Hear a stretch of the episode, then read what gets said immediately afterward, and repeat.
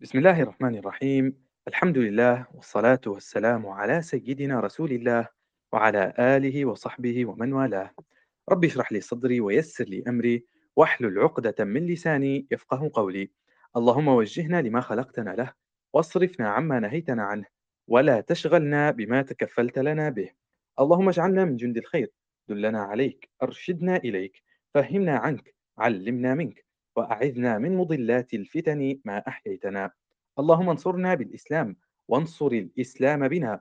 واجعلنا حجة له لا عليه واجعله حجة لنا لا علينا. السلام عليكم ورحمة الله وبركاته. أهلا ومرحبا بكم مستمعين الكرام في الحوارية الثالثة والتسعين من برنامج تساؤلات على قناة المنتدى الفكري الشبابي فسيل. حديثنا في هذه الحوارية سيكون عن الأداء الصوتي. فن ومهارة. ضيفنا في هذه الحوارية هو الأستاذ محمد التام. الأستاذ محمد التام معلق ومؤدٍ صوتي متعاون مع عدة قنوات وجهات إعلامية آه، وهو آه، مختص في هذا المجال وقد درب العديد من المهتمين بهذا المجال مجال الأداء الصوتي. أهلا وسهلا بك آه، أخونا محمد. مرحبا سيد عزام يومك سعيد. أنت وكل الشباب في منتدى آه، فسيل. ربي يعطيكم الصحة والعافية وتستمروا إن شاء الله في الحواريات الجميلة إلى الأبد بإذن الله تعالى. آمين آمين يا رب. وإن شاء الله نقضوا ساعتين رائعتين بإذن الله تعالى. بإذن الله تعالى بارك الله فيك. هو إحنا حاليا عندنا تحدي في غضون الساعتين إنها نقض نكملوا إن شاء الله المحاور والأسئلة الموجودة. وإنك إن شاء الله تستوفي الإجابات. فإحنا نحاول إن شاء الله نجمع بين الأمرين لكثره الأسئلة حقيقه اللي مجهزة. ولعلنا إن شاء الله ما نطولوش خلينا نبدأ إن شاء الله من توا. من طبيعي إن في أي فن أو علم آه، أول ما يبدأ به المتلقي أو المتابع هو تصور هذا الفن أو تصور هذا المجال وماهيته فخلينا بداية أخونا محمد. نبدو لأي شخص يعني يسمعنا حاليا ويتساءل شنو هو الأداء الصوتي؟ شنو المقصود به؟ فخلينا نعطوه في بداية تصور هيك إجمالي وسريع عن شنو هو الأداء الصوتي باش بعدين ننطلق إن شاء الله في بقية التفاصيل. الكلمة لك إن شاء الله باختصار يا ريت والله. مهم. الأداء الصوتي هو نوع من من الفنون زي زي الرسم زي زي غيرها من من الفنون. يعرف أحيانا بالتمثيل الصوتي حتى في الترجمة الإنجليزية أحيانا تلاقيه voice over أحيانا تلاقيه voice voice acting أي التمثيل الصوتي أو المحاكاة الصوتية. والمقصود منها إسقاط إسقاط مقام ال- ال- المادة التي أمامك أو الظهور بمقام المادة التي أمامك بالشكل الصحيح. يعني الإسقاط الصوتي المناسب للمحتوى النصي بحيث يطابقه أداء. وهنا يجي دور دور التعليق الصوتي. في مجمل تعريفات المؤدي الصوتي أو المعلق الصوتي قاموس ميريام البريطاني مثلا آه، يعرف ال voice over انه هو ناريتور كان نوت بي سين أو الراوي الذي لا نستطيع أن نراه. وبالتالي هو الشخص اللي نسمع فيه لكن ما نشوفوش فيه ويعجبنا الأداء ونستمع له بشكل كبير سواء على مستوى فيلم وثائقي أو قصة أو ايا كان الأداء في قصيدة أو غيره لكن هو الشخص الذي لا نراه. في كثير من الأحيان آه، يعني الناس ما تهتمش بالمؤدي الصوتي تهتم بالعمل. تتابع العمل إلى إلى إلى نهايته ولكن واحدة من العناصر نهايته هو التعليق الصوتي اللي كان مصاحب للفيلم الوثائقي أو للقصة أو للقصيدة. وزي ما يقول المثل الشعبي بعيد على العين بعيد على البال وبالتالي الشخص اللي ما تشوفش فيه أنت تتفرج على فيلم وثائقي أحداث وحبكة درامية و... وتبحث عن إجابة لسؤال أحيانا تجدها في نهاية الفيلم. لكن ما أو من يصاحبك خلال هذه الرحلة الطويلة هو المعلق الصوتي الذي بصوته استطاع أن يبقيك إلى نهاية آه، الفيلم. ولكن أحيانا لا تضع له بالا ينتهي الفيلم فلا تبحث عن من قام بال... بال... بالدبلاج أو بالأداء الصوتي. وبالتالي المعلق الصوتي هو شخص يعيش في الظل كثيرا آه، أناس غير معروفين للآخرين ولكن وجودهم عنصر أساسي جدا في أي عمل وهو ما يضيف يضيف القوة والجمال للمحتوى النصي وللصورة. جميل جميل ممتاز جدا الله يبارك الله فيك. آه، تو إحنا يعني بعد ما عرفنا من حضرتك ال- الأداء الصوتي باعتبار ان في مصطلحات مرادفة وحضرتك ذكرت ال- التمثيل الصوتي كونه مرادف للأداء الصوتي. طيب ممكن البعض يسأل هل في فرق بين التمثيل الصوتي والتعليق الصوتي، إحنا ممكن ما مرّيناش عن مصطلح التعليق الصوتي، فهل في فرق بينهم من وجهة نظرك؟ وبعدين لو تنطلق لنا شوية هيك في أهمية الأداء الصوتي يعني؟ التعليق الصوتي والتمثيل الصوتي هي مفردة واحدة يعني ما فيش فرق بينهم المطلوب دائما من المعلق الصوتي الإسقاط الصوتي الصحيح للنص الذي أمامك مثلا آه، لو كان إعلان تجاري لو كان آه، آه، سلوغن مثلا لواحدة من القنوات أو ربما يكون فيلم وثائقي. المطلوب قياس المحتوى الموجود واستخدام الصوت المناسب لأداء هذا المحتوى. وبالتالي إذا قلنا تعليق صوتي صحيح إذا قلنا أداء صوتي صحيح إذا قلنا تمثيل صوتي صحيح. كل المفردات تصب في في ذات المكان. ممتاز والله بارك الله فيك. توا عادة حتى نحفز أي شخص للاهتمام بأمر معين إنما نعرفه بأهمية هذا الأمر ولماذا نحن نهتم بهذا الأمر. فلو تعرفنا آه، بأهمية الأداء الصوتي ولماذا يعني نراه أنه مهم ومجال لابد أن نهتم به يعني. التعليق الصوتي مثله مثل كثير من من المجالات الأخرى هو شيء مهم جدا. تنبع الأهمية الخاصة بالتعليق الصوتي من كون الصوت مكمل لأي عمل. تجد صورة أحيانا تجد لحن مصاحب وتجد صوت فهي في الثالوث آه، المستخدم بشكل دائم لازم يكون في صوت على مستوى الفيلم الوثائقي على مستوى القصة على مستوى الإعلان التجاري على كل الأصعدة لازم يكون صوت. وجودة هذا الصوت وإتقانه للمحتوى المقدم يرفع ويخفض من جودة العمل. نعطيكم مثال بسيط مثلا كان فيه من سنوات سبع سنوات أو أكثر ممكن كان في عمل مشترك إنتاج ما بين تلفزيون قطر وما بين آه، قناة إم بي سي المعروفة. أنتجوا مسلسل عمر مش عارف آه، أكيد الأغلبية عارفينه. يروي آه، سيرة الصحابي عمر بن الخطاب الخليفة الخليفة عمر بن الخطاب. خلال هذا المسلسل استعانوا بشاب سوري اسمه سامر إسماعيل. سامر إسماعيل قام بدور سيدنا عمر في في هذا المسلسل. لكن الراحل حاتم علي رحمة الله عليه لما انتهى من التصوير وجد أن الصوت غير مناسب للشخصية أو في بعض الجزئيات غير مناسب جدا لفخامة شخصية سيدنا عمر وبالتالي تم استبداله بشخصية أخرى هو الأردني أسعد خليفة. أسعد خليفة صوت فخم رخيم وبالتالي شكل نقلة كبيرة جدا على طول المسلسل. طيلة حلقات المسلسل تم استبدال صوت سامر إسماعيل داروا دوبلاج للأدوار اللي طالع فيهم سامر إسماعيل وتم تغيير الصوت آه، بصوت أسعد آه، خليفة. حتلاقوا على يوتيوب مجموعة من المق... من المقاطع الصوتية تقارن ما بين صوت أسعد خليفة وتقارن ما بين صوت سامر إسماعيل. استمتعوا بالفرق وشوفوا قديش حاتم علي كان صائب جدا في تغيير الصوت. ليش؟ هذا كله للوصول بالعمل إلى مستوى أفضل وفعلا يعني نجح في ذلك بشكل كبير. مثال آخر على ذلك عزام والحديث للشباب اللي موجودين معنا. في آه، سلسلة تتحدث عن الحرب العالمية الثانية. تحمل عنوان أبو كاليبس سلسلة شهيرة جدا أنتجت آه، من ست أجزاء. هي في الأساس فرنسية لإيزابيلا كلارك وغيرها. السلسلة هذه في في في الترجمة للعربية أو في الدبلاج للعربية تم اختيار صوت الراحل محمد السعيد. محمد السعيد هو سوري الجنسية يمتلك صوت فخم جدا. طيب الخطأ اللي وقع فيه المخرجين العرب أو قناة ناشيونال جيوغرافيك أبو ظبي في الجزء الثاني. آه، السلسلة تحمل عنوان الحرب العالمية بالألوان. هيك تم تداوله الفترة اللي تم بثها فيها في ناشيونال جيوغرافيك أبو ظبي تم استخدام هذه المفردة تم تجميع مواد حقيقية للحرب العالمية الثانية وتم إضافة الألوان إليها بشكل قسري وبالتالي ظهرت الألوان باهتة ولكن للمرة الأولى نشاهد الحرب العالمية بالألوان.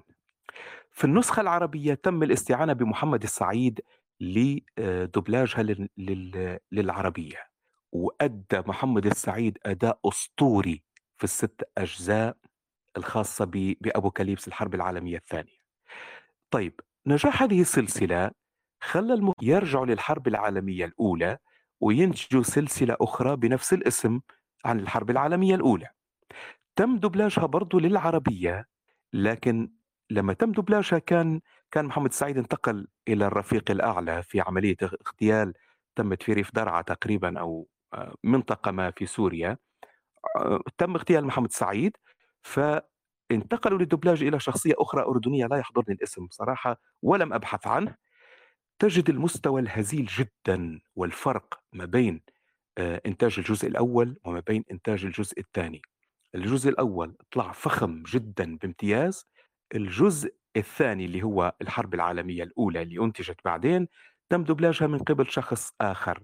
فالأول حصل على إشادات كبيرة جدا نتيجة الأداء الأسطوري لمحمد سعيد بينما الجزء الثاني ممكن حتى عدد المشاهدات لم يكن بالشكل الكبير نتيجة الاستعانة بالصوت الخطأ أو لعدم وجود صوت يقارن بصوت محمد السعيد اللي أنتج الجزء الأول. جميل جميل والله بارك الله فيك. هو تعقيبا وإن كان لسنا أهلا للتعقيب على من هو أهل الاختصاص زي حضرتك على موضوع أهمية الأداء الصوتي دائما تحضرني جملة يذكرها معلق صوتي مشهور هو يقول عندما ترى الصوت يعني هو فعلا أحيانا أهمية الأداء الصوتي تجعل المتابع يعني ي... ي... كأنما يرى الصوت. وهذا ذكرت أنت حضرتك في البداية لما تكلمت عن موضوع التعريف أن البعض يعرف المعلق الصوتي بأنه الراوي الذي لا يمكن رؤيته في أي نص. فهذه أحيانا جميل إن الإنسان يستحضرها دائما عندما يتحدث عن أهمية الأداء الصوتي. بارك الله فيك محمد. أنت حضرتك بارك الله فيك ذكرت آه، شيء لا بأس به من مجالات الأداء الصوتي. من خلال الحديث السابق زي الافلام الوثائقية أو المسلسلات. لكن آه، أكيد يعني هناك مجالات أخرى للأداء الصوتي وأكيد حتى المجالات هذه فيها آه، أساليب أخرى أو طرق أخرى لأهمية الأداء الصوتي أو العمل به. فلو تعرفنا أكثر على جملة من مجالات الأداء الصوتي والسوق أو ما بوش نقول نتكلم عن السوق بس يعني لكن كمجالات في حد ذاتها بمعزل عن موضوع المكسب المالي أو المعيشي. كمجالات للأداء الصوتي لو تعرفنا أكثر عليها.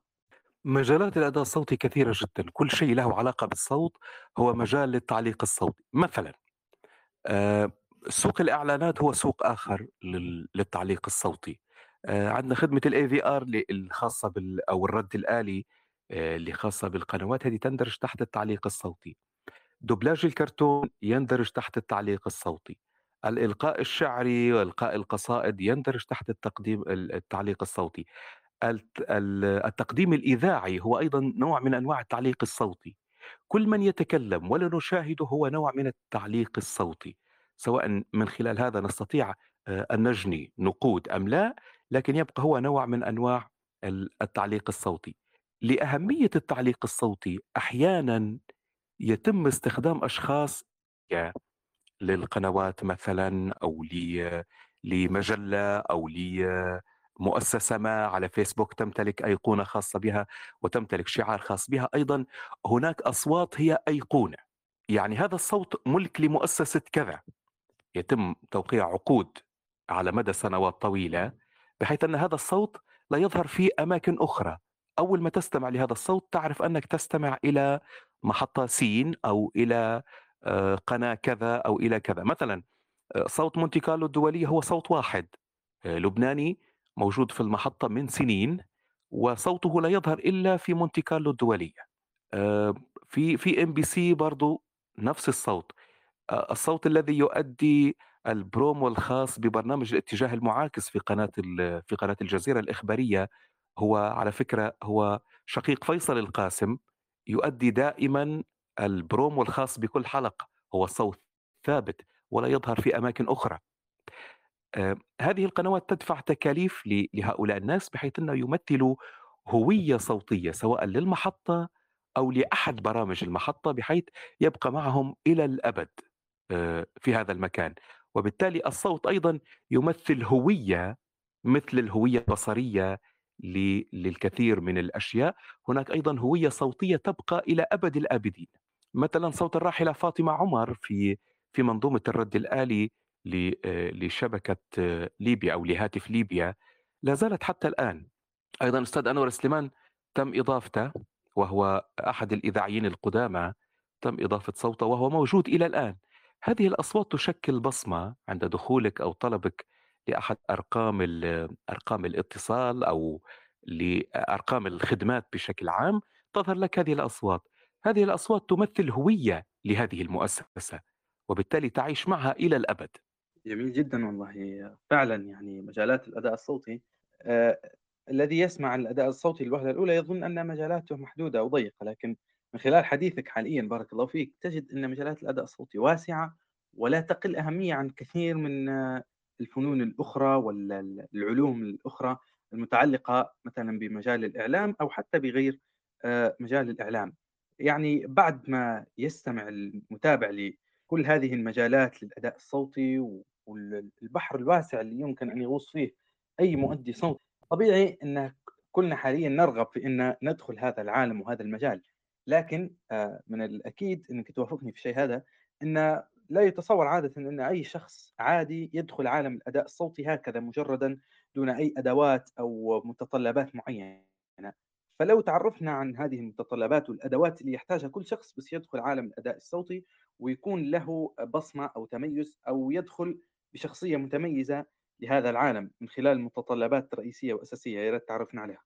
نعم، آآ هناك مثلث مهم جدًا أو في عالم الصوت أو في عالم التعليق الصوتي، يشمل الصوت، اللغة، والثقافة. هذا المثلث مهم جدًا لعمل أي مؤدي صوتي. الصوت عنصر مهم جدًا لاكتساب ثقة الآخرين أو لاكتساب الآخرين، لكن الصوت من دون آآ لغة سليمة ومخارج حروف سليمة هو ليس بصوت، يعني أحد عناصره ناقص. أيضًا الصوت مع امتلاك لغة سليمة وعدم وجود ثقافة هو أيضًا طامة أخرى ومصيبة، وبالتالي يجب على كل مؤدي صوتي أن يكون ذو صوت حسن، أن يكون ذو ثقافة مرتفعة، وأن يكون آآ ذو لغة عربية أو عنده لغة عربية سليمة بشكل كبير، لأن هذا المثلث هو الذي يدور حوله الصوت. آآ أدائك الصوتي دائمًا مربوط بلغتك العربية السليمة، بحيث تبقى الضاء ضاء، والظاء ظاء، والدال دال، والذال ذال، التاء تاء، والثاء ثاء، نميز بين هذه الحروف ونعطيها حقها ونعطي حق الحروف الأخرى. أيضًا الثقافة الواسعة، بحيث أنك لما تقرأ ربما تصادف أحد الشخصيات التي لا تعرف نطقها، وبالتالي تنطقها بشكل خاطئ، فتظهر في قصة بشكل خاطئ، أو في برنامج مباشر بشكل خاطئ، أو في فيلم وثائقي بشكل خاطئ، وهنا تكون المشكلة. أو ربما تطغى اللهجة المحلية على النطق العربي السليم، أو أو تطغى على نطق الكلمة بلسان أهل البلد، لأن مثلًا عندما ننطق الأسماء ننطقها بلسان أهل بلدها، وليس بلساننا المحلي أو الليبي. مثلًا عندما نقول سابقًا الرئيس الأمريكي دونالد ترامب، هكذا تُقال دونالد ترامب، كما تُقال في أمريكا، وليس كما تُقال بلسان ليبي دونالد ترامب مثلًا، هذا غير صحيح وغير مقبول. أيضًا الفرق ما بين الجيم والقاف في الإنجليزية آآ لا لا يوجد حرف الجيم في في الإنجليزية، وبالتالي لا نقول مثلًا اللغة الإنجليزية أو هاتف سامسونج جالاكسي مثلًا، هذا غير وارد، يجب أن تُنطق كما تُنطق في بلسان أهل البلد، هو هاتف سامسونج جالاكسي مثلًا، هكذا تُنطق، يجب أن تكون الكلمة نفسها. هذا من أين يأتي؟ يأتي من الثقافة الواسعة للشخص بحيث أنه يستطيع إدراك كل المفردات، يتعلم ال الأسماء كيف تنطق بطريقة صحيحة لينقلها بطريقة صحيحة. إذًا وجود الصوت مع وجود اللغة السليمة ووجود الثقافة هذه أبرز المقومات اللي يمتلكها أي مؤدي صوتي. عندك صوت حسن، لكن عندك مشكلة في مخارج الحروف أو لغتك العربية سيئة، حتلاقي مشاكل كبيرة. ثقافتك برضه منخفضة، حتواجهك مشكلة آآ في في إنتاج مواد صوتية، وبالتالي هذا المثلث كل ما ارتفعت إحدى القوائم الخاصة به أو أحد قوائمه، كل ما زادت أسهمنا في سوق عالم الصوت. جميل، جميل، بارك الله فيك والله. آآ إشارة لموضوع آه، مخارج الحروف آآ لعل هذه نحتاج منِّك رأيِك فيها. يعني أظن والله أعلم أو على الأقل من خلال تجربتي الشخصية، أن من أهم ما يساعد المرء على أن يضبط مخارج حروفه بشكل رائع وبشكل آه، سليم، هو الالتحاق بكتاتيب القرآن الكريم، يعني الحمد لله تعالى من فضل الله علي أن دخولي لحلقات حفظ القرآن الكريم وحفظ القرآن آآ يعني في السنوات الماضية كان عامل مهم جدًا لأن أحسّن مخارج حروفي، وحتى لأن أحسّن طريقة آه، نطقي، وبل حتى حسّن شيئًا من من موضوع ضبطي لمهارتي اللغوية وهكذا. فلا أدري يعني هل توافقنا في هذا الأمر أو عندك إضافة أخرى يعني؟ بالتأكيد عزام 100% كتاب الله صالح لكل زمان ومكان صالح لتقويم اللسان لتقويم الأبدان لكل شيء. وبالتالي آه، الدراسة المتكررة لكتاب الله بالذات لما تكون في الصغر تكبر ولسانك قويم لسانك سليم. وحتى إن كنت لا تعرف ال- الضبط النحوي أو التشكيل اللغوي للكلمة تجدها بالسليقة تخرج صحيحة. ليش؟ استنادا على قاعدة قرآنية عظيمة ربما مرت عليك في أحد المواضع هذه الكلمة بهذه الطريقة. هكذا تنطق هكذا تقال في هذا الموضع تكون مرفوعة في هذا الموضع تكون منصوبة في هذا تكون مجرورة. أنت لا تعرف القاعدة النحوية الصحيحة لكن سمعيا لأنك تتلو كتاب الله بشكل دائم وتتعلم منه بشكل دائم تجد نفسك تقرأ الكلام بشكل سليم. ينمى ذلك أيضا بمعرفة القواعد النحوية مهمة جدا لكل مؤدي صوتي بالذات للناطقين بالفصحى. لأن سوق التعليق الصوتي سوقين سوق للناطقين بالفصحى وسوق للعامية أيضا لديها سوق. العامية ولديها سوق كبير مثلا للإعلانات التجارية وغيرها من الأشياء. آه، هل بالشركات تفضل أن تكون الإعلانات بالعامية؟ وبالتالي يجب أن تكون رشيق حتى في لكنتك العامية. يجب أن تكون سريع آه، رشيق في استخدام المفردات. لكن في الشق الفصيح هنا تظهر مشاكل اللغة. مثل ما قلت أنت يعني القرآن الكريم يشكل قاعدة كبيرة جدا للحصول على مخارج حروف سليمة. زد على ذلك قراءة الكتب القديمة وسماع المواد ال- سماع المواد التي لها علاقة بال- بالعربية الفصحى سواء كانت أفلام وثائقية آه، أفلام كرتون. أي شيء يتحدث بالفصحى هو مصدر جيد للحصول على نطق سليم. لا أنصح بالقراءة لأن القراءة لا تقوم اللسان. لماذا لا تقوم اللسان؟ لأنك يعني لم تجد دليل أمامك ليرشدك إلى قراءة الكلمة وبالتالي ربما تكون تقرأ الشكل السليم لها وبالتالي السماع دائما هو الأفضل سواء من من مقرئ القرآن أو الشيخ الذي يحفظ القرآن في الكتاتيب على اللوح إلى آه، فيلم وثائقي إلى مسلسل تاريخي إلى أفلام كرتون كل هذه تعطيك النطق السليم للكلمات أيضا الاستماع إلى الشعر بالذات الشعر الجاهلي وحاليا اليوتيوب مليان بال- بالمواد الشعرية بشكل كبير جدا وبالتالي تجد ألسن فصيحة جدا تتحدث الشعر الجاهلي تستطيع الاستماع لها تكتسب منها مخارج حروف تكتسب لغة وتوسع قاعدتك المعرفية. إذا القراءات القديمة الأشعار القديمة والقرآن الكريم.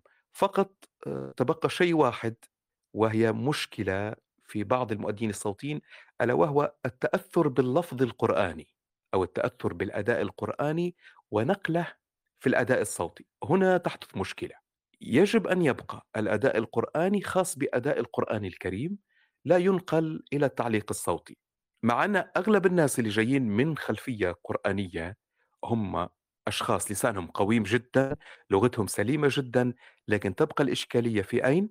عدم الفصل ما بين آه، قواعد ال- القواعد المستخدمة في قراءة القرآن الكريم والقواعد المستخدمة في عالم التعليق الصوتي.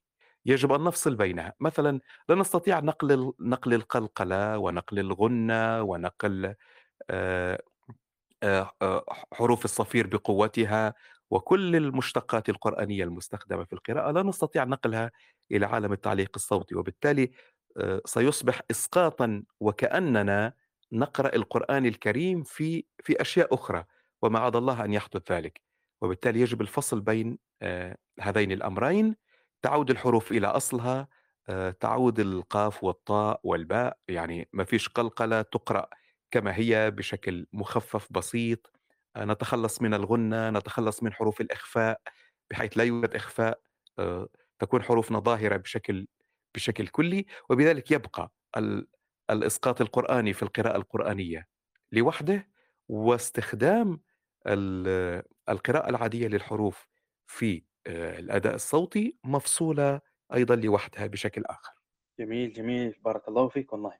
آآ هو التساؤل هو لعلِك غالبًا أجبت عليه ضمنًا في ال الأسئلة السابقة، لكن أحيانًا من الجميل أن نزيد التأكيد، باعتبار بارك الله فيك أكدت على موضوع آه، آآ أن ال لمّا يهتم الشخص بحفظ القرآن وتدارسه، سيكون له أثر إيجابي على ضبطه وأدائه الصوتي، لكن البعض خصوصًا من يكون قد حفظ القرآن يتكاسل أو آآ سيتكئ فقط على حفظه للقرآن ويقول خلاص أنا ما دمت قد حفظت القرآن وضبطته فهذا وحده كافٍ لدخولي عالم الأداء الصوتي، فهل ترى ذلك يكفي أم تأكيدًا لما سبق أن يعني ليس معنى أن من حفظ القرآن فهذا يعني أنه سيكون مؤدي صوتي، فنصيحتك بالخصوص يعني بارك الله فيك.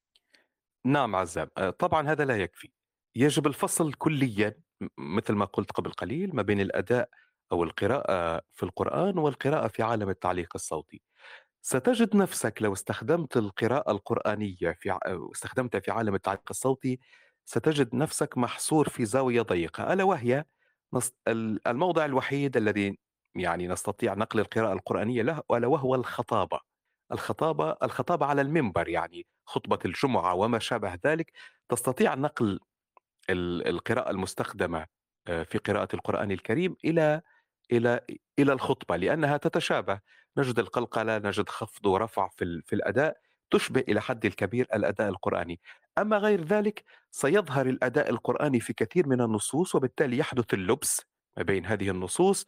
وتظهر وكأنها آه، أو كأنك تقرأ أو تستند إلى قراءة القرآن الكريم في قراءة نصوص أخرى وهنا تحدث المغالطات. تبدأ تظهر كل النصوص بشكل واحد لا نستطيع التمييز بينها باستخدام ذات اللغة. وبالتالي لا قراءة القرآن الكريم وحدها لا تكفي. أي نعم تعطيك مخارج حروف سليمة تعطيك تعطيك أداء سليم لكن لا تستخدمها في قراءات أخرى. والمقصود بلا تستخدمها لا تستخدم الأحكام المستخدمة في قراءة القرآن الكريم في قراءة النصوص العادية. آه هذا هو الموضوع فقط. سهلة جدا. تخلص من الأحكام في قراءتك للنصوص تخرج بشكل سليم. جميل، جميل، بارك الله فيك والله. آآ بعد ما عرّفتنا بارك الله فيك عن موضوع متطلبات المجال، آآ يعني هو عادةً الذي يتابع آآ المؤدين الصوتيين والمعلقين الصوتيين، قد يرى لأول وهلة ولعل هذا صحيح، أن هناك أنماط معيّنة للأداء الصوتي وهناك أنواع أو آآ أشكال معيّنة، فما هو المقصود بهذه الأنماط؟ هل فعلًا هناك أنماط معيّنة للأداء الصوتي؟ آآ ما هي هذه الأنماط بشكل إجمالي حتى لا يتداركنا الوقت؟ آآ هل المتطلبات للأداء الصوتي تختلف لكل نوع معيّن أم هي متطلبات عامة إجمالية لكل لكل هذه الأنواع ولكل هذه المتطلبات؟ نعم أنت جبتنا لنقطة عزام يعني يطول الحديث فيها بشكل كبير جدا لكن سنحاول إيجازها بالمختصر. شوف الحديث لك ولبقية الشباب. عالم التعليق الصوتي عالم كبير جدا. يستند إلى قاعدة تقول كلما قصرت الجملة صعب الأداء الصوتي زادت القيمة. هذه هي القاعدة. ما المقصود بذلك؟ مثلا ربما ربما تقرأ نص وثائقي لمدة ساعة تمام؟ تكون قيمة هذا النص ألف دولار مثلا ويكون هناك ربما مثلا سلوغن خاص بواحدة من الشركات ولنأتي على ذكر مثلا آه، شركة عبد الصمد القرشي المعروفة آه، للعود والعنبر والعطور حتلاقي سلوغن الخاص بهم عبد الصمد القرشي بيت العود والعنبر والعطور أصل له جذور هذا الصوت المستخدم هو ملك للشركة وبالتالي شفت هم ربما خمس كلمات لكن قيمتهم تعادل قيمة عمل وثائقي كبير جدا. هتلاقي قيمة المحتوى الأقل هذا ربما عشرة ألاف دولار. ليش؟ لأن كل ما قصرت الجملة يجب على المؤدي الصوتي أن يستخدم كامل براعته الصوتية في تجسيد الأربع أو خمس كلمات التي أمامه. يجب أن تظهر كل معاني الكلام في هذه الكلمات الخمسة فقط. مثلا في في السرد الذي قلناه قبل قليل يستندون إلى الصحراء كمصدر لل- للعطور ك- كمصدر للعراقة عفوا. وبالتالي الصوت يجب أن يكون فخم يجب أن يكون متماهي يجب أن يركز على الكلمات. وبالتالي الأداء الطويل لا يشبه الأداء القصير. في الأداء الطويل تستطيع أن ترتاح لا يجب أن تعبر دائما لأن المسافات طويلة. لكن في المسافات القصيرة يجب أن تظهر كل براعتك الصوتية وبالتالي قصر الجملة يضع على عاتق المعلق الصوتي مهمة جبارة أكثر لإظهار المعنى في في أحيانا في عشر ثواني أو أو أو سبع ثواني. هناك أشياء أخرى لا زالت أقل مثلا نطق اسم القناة أو أو سلوغن خاص بإحدى المؤسسات يكون مصاحب لها. مثلا لنأخذ شركة ليبيانا ال- آه، أحد شركات الدولة الليبية أو إحدى شركات الدولة الليبية آه، هاتفنا بيتنا بلدنا لبيانا هكذا يستخدمونها. هذه الكلمات هي من الصعوبة بمكان في الأداء بحيث يجب أن تعبر عن كلمة هاتف بصوتك بحيث يظهر الهاتف وتظهر قيمة البلد في كلمة بلدنا في صوتك وتظهر قيمة البيت وما يحويه من العائلة والحنية والأسرة والاجتماع في صوتك. أيضا كل كلمة تجسد بصوتك يجب أن تحمل قيمتها المعنوية وهنا تأتي الصعوبة في في في أداء الجمل القصيرة. هذا ليش؟ الأشياء القصيرة هذه أصوات آه، أصحابها يعيشون إلى الأبد يعني المقصود بيعيشون إلى الأبد حتى لو انتقلوا إلى الرفيق الأعلى هم مربوطين بتلك المؤسسة. أيضا استخدموا صوتهم في مساحة ضيقة جدا واستطاعوا إيصال المعنى بشكل دقيق لك. وبالتالي آه، هنا تكون المهمة أصعب. كل ما قصرت الجمل كل ما أصبح المعلق الصوتي مطالب بأداء جمالي أكثر وبالتالي كانت الصعوبة أكثر. هذا الشق الأول. بالنسبة لي آه، ألوان التعليق الصوتي كثيرة جدا. مثلا لنأخذ عنصر الحكاية. في الحكاية دائما نستند إلى قالبين القالب السردي للكبار والقالب السردي للأطفال القالب السردي الخاص بالكبار دائما نستكين إلى وتيرة واحدة من الأداء وحتى إن ظهرت شخصيات فقط ننتقل من الراوي أو من. من الراوي إلى الشخصية الموجودة في القصة لكن بنفس النبرة الصوتية الأداء للكبار أسهل بينما لو كانت قصص للأطفال تستدعي كل براعتك الصوتية بحيث تنتقل إلى مستوى فرح بحيث تعبر للأطفال عن تلك القصة. لا تستخدم نفس الأسلوب المستخدم عند الكبار.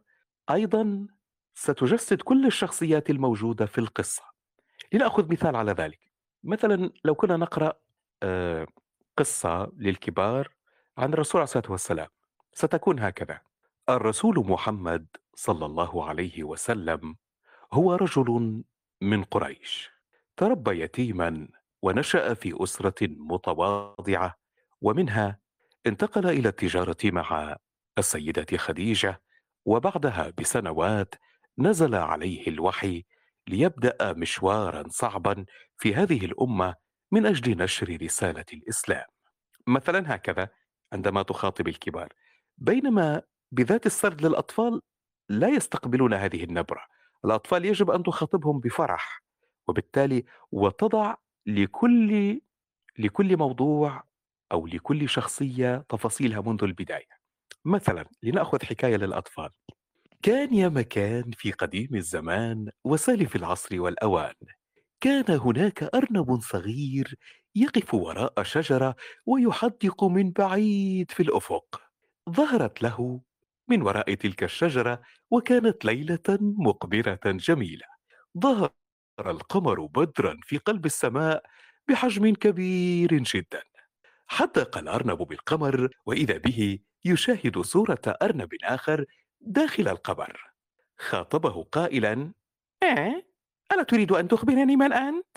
ولكن القمر أحباء الأطفال لم يحرك ساكنا ولم يخاطبه ولم يرد عليه. ظل محدقا به لبرهة ثم بدأ في بكاء وصراخ. حتى جاءت أمه لتحدثه وتعرف سبب بكائه وقفت إلى جواره وقالت ما بك يا ولدي؟ لماذا أنت تبكي؟ أمي لقد حدثت القمر ولكنه لم يجب علي رأيت أرنبا بداخله ترد الأم وتقول لكن يا ولدي هذه الصورة عبارة عن خيال نعم إنها تشبه الأرنب ولكن لا وجود لأرنب فيها هي عبارة عن تضاريس على سطح القمر تظهر بهذا الشكل. هل فهمت يا ولدي؟ هذا القالب صعب جدا في التجسيد. تحتاج إلى تجسيد كل الشخصيات لتقنع الطفل الذي أمامك. بينما لو كنت تريد أن تسرد للكبار سيكون النمط غير هذا بشكل كبير. سيكون آه، رصين آه، تتحدث بهدوء ولا تستطيع أو لا يجب أن تستدعي براعتك الصوتية للتعبير عن كل هذه المفردات. وبالتالي في قالب التعليق الصوتي في الحكاية بالذات الأطفال آه، يحتاجون براعة أكبر من من الأداء للكبار. لننتقل إلى قالب آخر ألا وهو مثلا التعليق الوثائقي. التعليق الوثائقي ينقسم إلى حوالي خمسة أو ستة أنواع ويشمل مجموعة قوالب على رأسها قالب القوة القالب التاريخي القالب الديني آه، قوالب الطبيعة التشويق والتاريخي التاريخي قلنا آه، هذه هي جملة قوالب التعليق الصوتي المنتشرة بشكل كبير. طيب ما هو قالب القوة؟ قالب القوة هو إسقاط على النصوص التي تحتوي على القوة وتشمل نصوص الحروب مثلا آه، النصوص السياسية التي تحتاج إلى قوة في الأداء.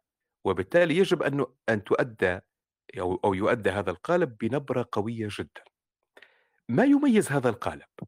هو قالب رجالي بحت بحيث أن مثلا عمركم شفتوا سيدة تعلق على فيلم وثائقي لحرب أو أو شيء فيه قتال أو شيء من هالقبيل؟ لا مش حتلاقيها حتلاقي ديما رجال هم المتصدرين المشهد آه هذا القالب يحتاج إلى يحتاج إلى القراءة بشكل يحتاج إلى جمل طويلة في القراءة بحيث لازم جملك تكون طويلة. يحتاج إلى نبرة صوت عالية ويحتاج إلى قوة في الأداء. حتى يتم إسقاط الصوت بشكل آه، جميل على ما هو آه، موجود لو أخذنا مثال طيب آه هذا نص كان على ستيب نيوز خاص بمرور عام على حرب روسيا وأوكرانيا تمام؟ النص يقول قبل عام من الآن كان العالم يترقب بخوف وجزع زحف جيوش روسيا الجررة نحو أوكرانيا لتبدأ أعنف حرب عرفتها أوروبا منذ الحرب العالمية الثانية. واليوم ما زال الرعب والفزع والخوف من اقتراب الذكرى السنوية الأولى لمحرقة حرب الروس والأوكران التي بدأت في الرابع والعشرين من فبراير عام 2022 وراح ضحيتها الآلاف من الطرفين.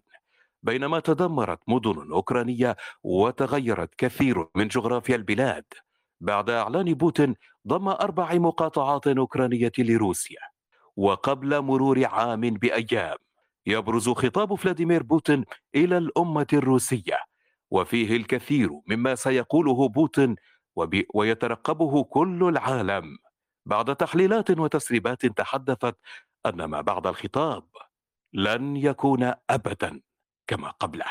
هذا جزء من نص آه، سياسي أو نص قوي يتحدث عن الحرب. آه، في المقابل نصوص أخرى مشابهة مثلا تصنيع آه، تصنيع طائرات حربية أشياء لها علاقة بالحروب الأخبار السياسية كلها تحمل نفس النبرة في بعض المواضع. لو انتقلنا إلى قالب آخر مثلا القالب التاريخي. القالب التاريخي بعيد كل البعد عن القالب السياسي أو قالب القوة اللي تحدثنا عليه قبل شوي. في القالب التاريخي نحتاج إلى أداء بطيء A نحتاج إلى أداء بطيء جدا بحيث يظهر الكلام كلمة كلمة. أيضا نحتاج إلى صوت قرار يحتاج إلى صوت أربعيني فما فوق أو إذا كان الشخص أصغر من ذلك إذا كانت لديه القدرة الصوتية على أداء هذا القالب يكون مطابق جدا. طبعا نحكي لكم عن الصوت المناسب جدا يعني ممكن أعمار أقل تأدي لكن مش حيكون جميل بجمال الأصوات الكبيرة في السن.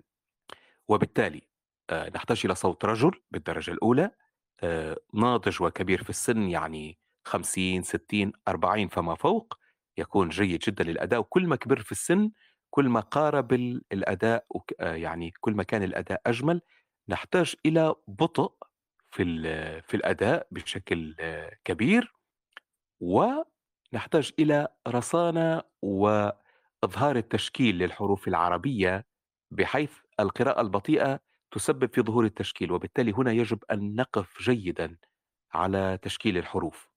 مثلا هذا جزء من وثائقي كان على ستيب اسمه آه، سلالات المغرب اللي هم العائلات العائلات الحاكمة اللي حكمت المغرب ما بين الأدارسة والمرابطين وغيرهم اللي جو لحكم المغرب. النص تاريخي وبالتالي كيف يقرأ؟ نأخذ جزء منه ومع وصول الدولة الإدريسية إلى حكم يحيى بن إدريس بن عمر تبلورت قضية تكديس الحاكم في المغرب حيث يندر أن يخلو مؤلف حينها من الثناء عليه حتى قال فيه ابن خلدون بأنه كان أعلى بني إد بينما يصفه روض القرطاس بقوله كان يحيى بني إدريس قدرا وسيطا وأطيبهم ذكرا وأقواهم سلطانا.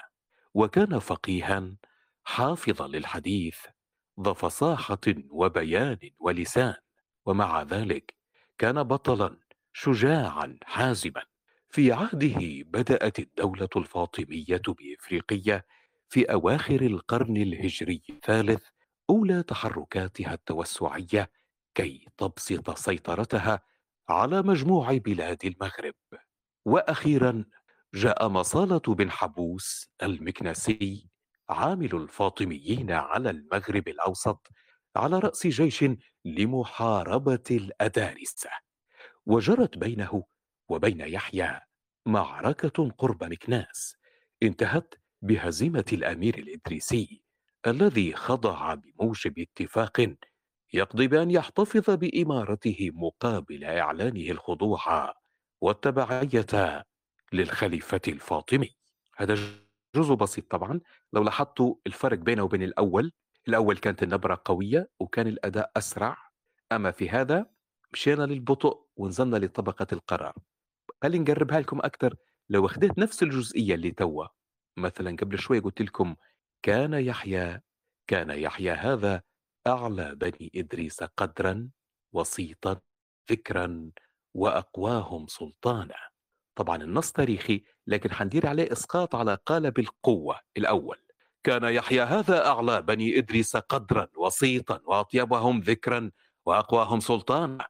وكان فقيها حافظا للحديث ذا فصاحة وبيان ولسان. ومع ذلك كان بطلا شجاعا حازما. طبعا هذا المساق مش ليه لكن للتقريب بس ما بين الأول والثاني. الأول طبعا هو المناسب. لهذا النص لأنه هو نص تاريخي. أما قال بالقوة ما يمشيش معاه لأن إحنا ما نتكلمش على معركة أو نحكوا على مجموعة من السلالات حكمت المغرب وهذا تاريخ. طيب بالنسبة للقالب الديني هو مشابه جدا للقالب التاريخي لكن يمتاز بالتذلل والخضوع.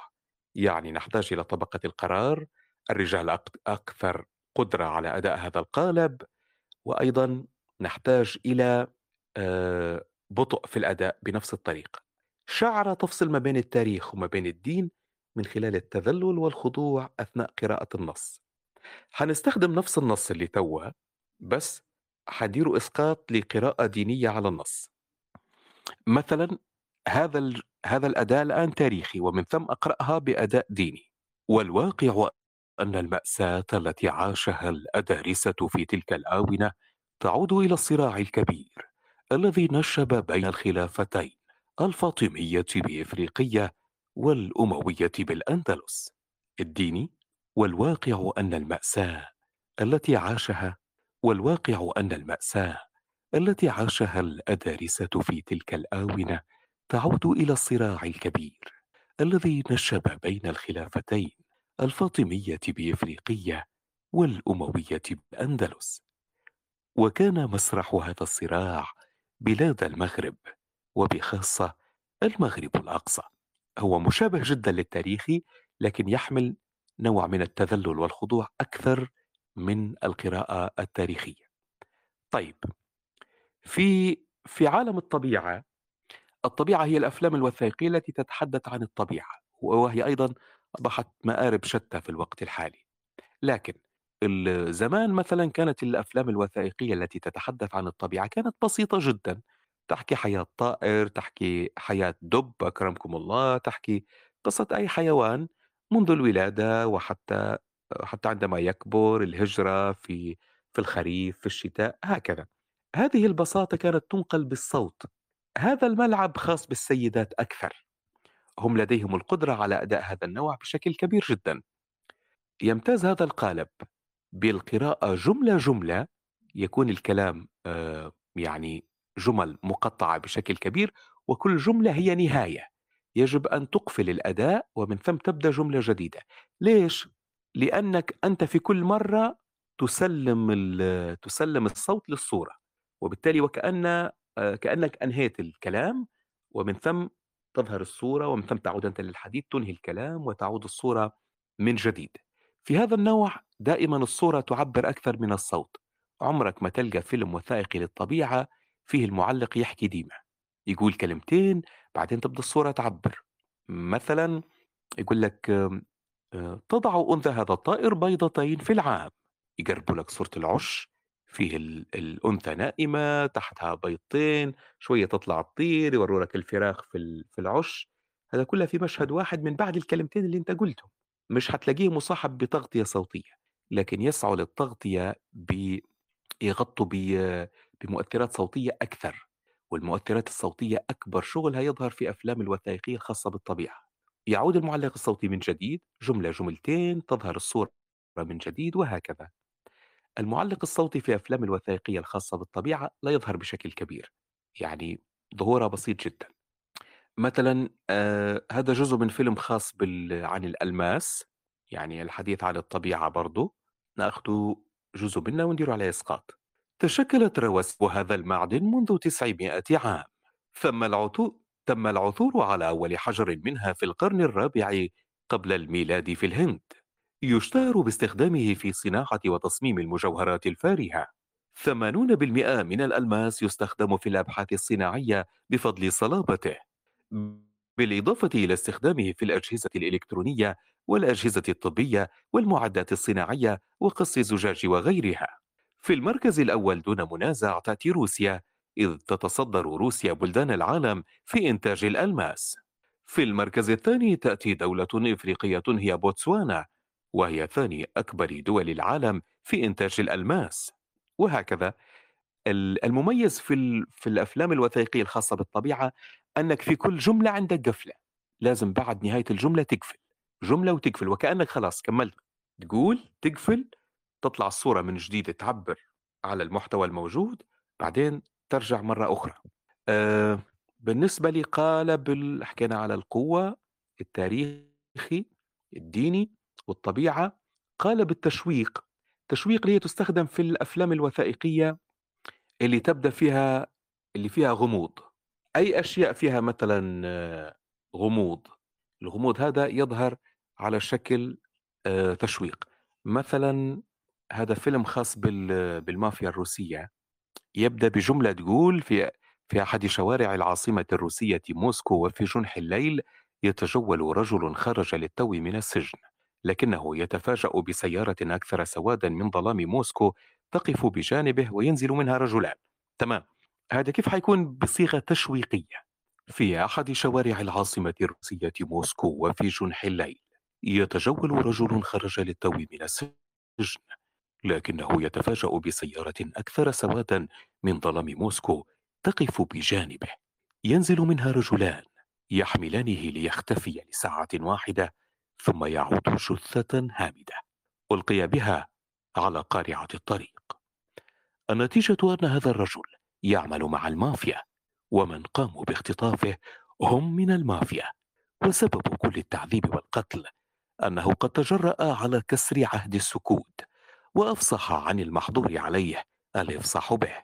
مشهد صغير وسريع يصف لك ببساطة واحدة من أبشع قواعد المافيا التي تعتبر واحدة من بين الآلاف التي يمكن أن تروى عن جماعات مرعبة عمرها مئات السنين. نعم كان هذا طبعا جزء بسيط. ما بين هالقوالب هذه كلها يتنقل الإنسان في ال في ال في الأداء الصوتي للأفلام الوثائقية. لا تخرج عن إطار واحد من من هذه وبالتالي قراءة النص بشكل قراءة النص بشكل بشكل جيد. أيضا معرفة آه، معرفة هذا النص يتبع لأي قالب. حتى تؤدي بالقالب المناسب لي. طبعا إذا كنت محترف ستجيد استخدام كل القوالب لكن ربما تجد صوتك يختمك في قالب فقط. من هذه القوالب ولا تستطيع أداء القوالب الأخرى وهذا ليس عيبا. جميل، جميل، بارك الله فيك محمد. طبعًا لعل ما ما ما لم تدركه يعني الآن أنك دخلت بنا في بحر واسع، يعني متابعين ما شاء الله الله يبارك، أنت قلدت جزء كبير من الأصوات وضربت أمثلة تطبيقية وهذا يشد المتابع عادةً، فأحسنت وأفدت والله بارك الله فيك. آآ الأداء الصوتي يعني زي ما ذكرت أنت حاليًا هو آآ في جزء لا بأس به منه هو آآ وسيلة للتكسب ولل ل كسب. فبرأيك كيف الآلية ال الأنسب للتكسُّب؟ وباعتبار نحن نتحدث عن التكسُّب، فسيكون الحديث عن موضوع المعدات والجانب التقني، فلو آه، تدخل بنا بشكل موجز جدًا، جدًا ال والله الوقت يتداركنا، الأجهزة مثلًا أو المعدات الأنسب وكذا، فكيف آه، تعرّج على الموضوع هذا يعني؟ آه، قبل الأجهزة عد- أعزام والحديث للجميع الموهبة بالأساس هي المحرك لأي شخص. يعني عدم وجود موهبة وامتلاك أفضل المايكات أو أفضل أستوديو هذا لا يعني شيء ما دام الأصل آه، غير موجود. الصوت شقين موهبة تنمى بالمعرفة بحيث أنك تدرس القواعد الأساسية للصوت تعرف كيف تتعامل مع الصوت وهنا تحصل على صوت جبار. في المقابل هناك آه، أشخاص ليس لديهم موهبة ولكن التدريب المستمر هو من يجعل هذه الأصوات تصبح مرنة ومطواعة وبالتالي تكون آه، جاهزة للأداء. لكن يبقى الأول الأكثر براعة. وجود الموهبة ومن ثم التدريب وربما يكون العكس. ليس لديه موهبة لكن ربما لديه صوت حسن معتدل آه، بالتدريب أيضا يتحسن. لكن تبقى الموهبة هي الأساس. بعد الموهبة يأتي دور المعدات الخاصة بعالم الصوت. مع التقدم في ال- في الزمن تتقدم التكنولوجيا بشكل كبير. وبالتالي في الوقت الحالي أصبح بإمكاننا استخدام حتى الموبايل آه، لأجل التسجيل. في السنوات الأخيرة شركات الموبايل بدأت تهتم هلبا بالسوفت وير الخاصة بال بال- بالهواتف؟ أصبحت الضوضاء أقل أصبحت جودة الصوت أعلى وبالتالي أصبح استخدام الهاتف يعني آه، آه، جزء أساسي من حياتنا اليومية. وتستطيع الآن التسجيل باستخدام الهاتف والوصول إلى مدى مرضية إلى حد ما. وهذا لم يكن متاح في في سنوات أخرى. طيب بالنسبة للتسجيل بالتليفون أو التسجيل بالهاتف للناس اللي حابين يسجلوا أو ما عندهاش مايكروفون ما عندهاش مايك يبي يسجل بالتليفون. شنو أبرز الأشياء اللي نديرها لما نسجل بالتليفون؟ أول شيء وهذا مشترك بالنسبة للمايك وألا لل... لل... للتليفون الحصول على بيئة هادئة ومشتتة. شو نقصد بهادئة ومشتتة؟ هذه واحدة من عناصر ال... الأداء الصوتي أو لما تجيب تسجل أولا لازم تحصل مكان معزول وهذه تتوفر في الاستوديوهات. لما يبنوا الاستوديوهات الاستوديوهات ينبنوا بطبقتين يكون حائط وبعدين فراغ وبعدين حائط آخر. الوسط يتم ملأ أحيانا بالتراب أحيانا يتم ملأ بال... بالإسفنج السائل. يجيبوا في سيارات كبيرة إسفنج سائل يصبوه يعبوه وبالتالي تعطيك طبقة عازلة. هذه الأولى أنك أنت تعزل. طيب أنا مثلا في البيت ما عنديش القدرة لهذا كله وموضوع هذا يبي الشركات ويبي دولة تقدر تنتقي ساعات من النهار يكون فيها الضوضاء ناقصة مثلا الأسرة طالعين آه، في الليل متأخر تكون الناس كلها رقدت تقدر تستغل الوقت هذا للحصول على هدوء تام طيب وين نسجل؟ أيهم أحسن مكان نسجل فيه؟ المكان اللي معبي أكثر في الحوش هو الأحسن للتسجيل لكن معبي بشني مثلا مخزن اللي فيه الحاجات الصلبة ما يمشيش حالة آآ لكن غرفة النوم تكون مناسبة جدًا، أي مكان معبّي بالأثاث، معبّي بالستائر، معبّي بالبطاطين، ومعبّي بال بال بالبسط وال وال والفراشات زي ما نقولوا، يكون مناسب جدًا. كل ما كانت كمية الحيط العريانة اللي تبان في الغرفة أقل، كل ما كان التسجيل مليح، هذه اتفقنا فيها. طيب وين نسجّل؟ أفضل مكان تسجّل فيه تحت ستار، نزّل ستار وتعالَ قدّامه وسجّل، حُط تحت منها بطانية آآ، آآ، فرو صناعي هذا اللي يبيعوا فيه أو أي شيء وسجّل فوق منه. طيب شنو تحتاج مازال؟ تحتاج مجموعة من الوسايد أو مخدات زي ما نقولوا، تحط مجموعة يمينك ويسارك بحيث يكون ستار قدّامك ويمينك ويسارك مجموعة من الوسايد تقدر تسجل بيناتهم طيب الهاتف كيف كيف حيكون الهاتف عنده وضعية معينة إنه ما يكونش المايك بزاوية 180 مع فمك. اللي بمثلها لكم أنا على السماعة توا وشوفوا الفرق في الصوت تمام؟ تو أنا هيك نتكلم في السماعة طول. أعتقد الصوت عندكم عاطي دوشة وعاطي ضوضاء وطالعة ضربات زي البكات زي ما نقولوا. طيب لما تحرك مثلا 90 درجة أو 45 درجة قدام وجهك بحيث أن اللاقط ما يكونش مقابلك بشكل مباشر يمر عليه الصوت مران من بعيد اللي هو أشبه بهذه الطريقة. تو أعتقد الصوت أصفى من, من الأول. أنا نستخدم في سماعات ما نتكلمش في التليفون طول والسماعات ديما دوشتهم أكثر فأنتم الآن تستمعوا إلى صوت أوضح من هذا الصوت اللي توا صادر. توا أكيد تعانوا من دوشة وتعانوا من قوة كبيرة في الصوت وضوضاء كبيرة طالعة في الصوت. لكن توا الحال أفضل الصوت أحسن. هذه الطريقة هي الأكثر اتباعا. ما تتكلمش في المايك طول أو في لاقة الصوت طول لا. خليه آه خلي المايك مش مقابل فمك مباشرة. أيضا حافظ على مسافة حوالي 15 سنتي 10 سنتي يعني تقريبا شبر بينك وبين الموبايل وسجل. وثبت الهاتف وأثبت أنت. حاول تكون الضوضاء قليلة جدا ممنوع الحركة الزايدة ممنوع الإكسسوارات. آه، لابس ساعة لابس خاتم البنات لابسين مجوهرات أو شيء كل ما بتحرك يديك وتخبط حيطلع الصوت هذا في في التسجيل.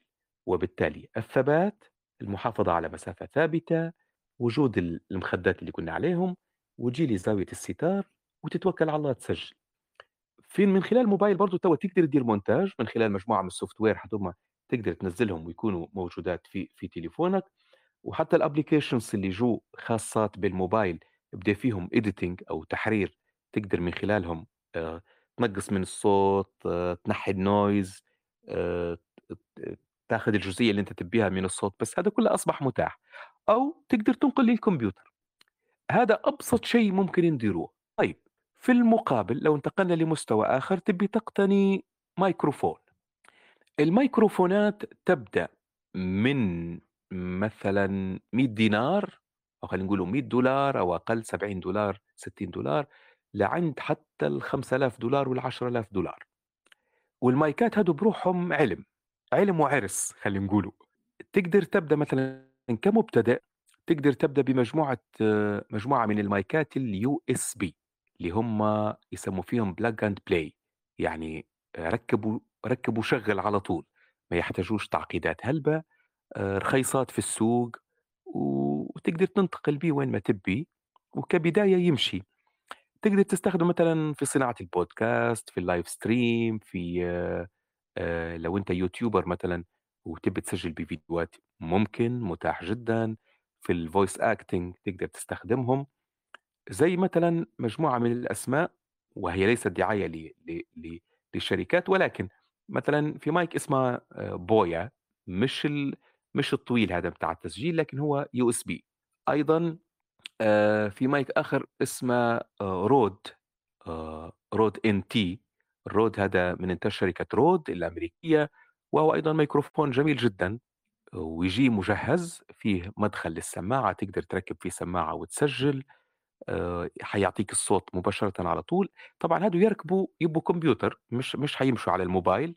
الجزئية الأولى حكينا على الموبايل الموبايل خلاص. تمينا يعني الجزئية الخاصة به انتقال بتسجيل بميكروفون USB Universal Serial Bus الميكروفونات هذه زي ما قلت لكم آه، فيها في شيء اسمه كرت صوت أو آه، كرت الصوت هذا في النوعية هذه يكون مدمج.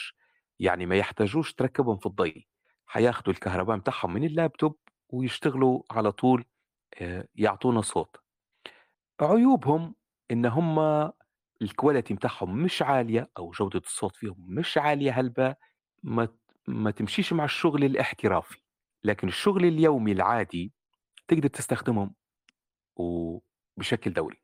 ميزتهم إنك تقدر تحطها في الشنطة. مثلا أنت مسافر تو أنا مثلا واحد من الناس عندي هيك وعندي هيك عندي الثابت هذا اللي اللي راكب في الأستوديو بشكل دوري وعندي متاع الصفر لأنك يعني بعض المؤسسات أنت معاهم بشكل دوري.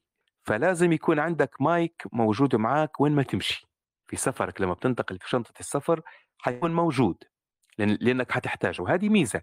بدل ما تقعد تقض في الاستوديو كله وترفع في كرت الصوت وترفع في المايك وبالذات المايك لو عندك نوعية مليحة حيكون سعره غالي، فنقلة مثلًا في السفر وتخبيط الشنطي في الطيارات وهيك حيفسده، تلقى روحك خاسر 10,000 والّا 8,000 في في ما لا يعني، مشوار ضاع فيه كل شيء. فالUSB هذا على قد ما يخبطوا ليه مش حيصير فيه شيء، وحتى لو انخبط مش حيوجعك. يعني، كان ضاعوا 200 دينار والّا 300 دينار خير من تجيب فيه 10,000 والّا تجيب 15,000 آآ هذا مستوى، برضه آآ في في ما غير ما غير البويا في قلنا البويا، في الرود، فيه فيه لا إله إلا الله، في ال Blue آآ ال Blue Yeti، Blue Yeti هذه شركة برضه عندهم مايك زي الكورة يسموا فيه الice ball. في منه نوعين، في أكحل وفي حتى هو كويس آآ صوته معقول إلى حدٍ ما، متوفر أعتقد في السوق الليبي آآ موجود. لو مشينا لمستوى أكبر تبي تكبّر ال business وتبي تكبّر الشغل وجرت في إيدك الفلوس حصلتها بفلوس، تقدر تسعى إنك تصمم استوديو احترافي ليك في البيت، بحيث إنك تكون عندك غرفة خاصة يكون عزلها مليح، حتضطر بعدين تستعمل إسفنج أو بنفس الوسايد الأولاد تقدر تأدي نفس الوظيفة على فكرة. أهم شيء كل ما كان المكان صغير أحسن، يعني غرفة 6 في ال6 وغرفة 2 في 2، 2 في 2 أحسن من ال6 في ال6 و2 في 2 كل ما كانت معبية زي ما قُلت لكم بالأتات، فيها بساطات وفيها بطاطين وفيها أسرة وفيها ستائر وسايد، هذا كله جميل جدًا ل لإضفاء جودة على الصوت. ليش هالحاجات هذه كلها مطلوبة في التسجيل؟ لأن الصوت يعاني من مشكلة وقت التسجيل، لمّا تسجل تطلع الموجات الصوتية من فمك حتمشي باتجاه المايك يلقطها، هذه مرحلة أولى 1 بعدين حتكمّل مسارها، حتخبط في الحيط لو لقيت قدامها حيط، وحترجع من جديد تتسجل مرة تانية. طبعًا هذا الشيء في جزء بسيط جدًا من الثانية، لكن حيأثّر على الصوت، اللي هو يمشي يصطدم ويرجع تاني، يتسمى كأنها تسجل مرتين، هذه حتعطي حاجة يسموا فيها الmetallic sound أو الصوت المعدني، يعني يبدو الصوت مش حلو، تحس الصوت صلب هيك طالع ناشف، طالع ما فيش حيوية. طيب وجود هالأثاث وهالإسفنج وهالوسائد اللي حكينا عليها شن شنو وظيفتها؟ أنت لمّا تتكلم حتمُر الجملة الصوتية على المايك حيلقطها وحتكمّل طريقها، لمّا تكمّل طريقها حتغرق ما عادش تولّي، وهذا هو المطلوب. حتصطدم مثلًا بالستار وإلا بالبطانية وإلا بالوسادة وإلا بأي شيء أنت حاطّه قدامك، حيبتلعها، بالتالي مش حترجع، وهيك نكونوا حصّلنا صوت سليم.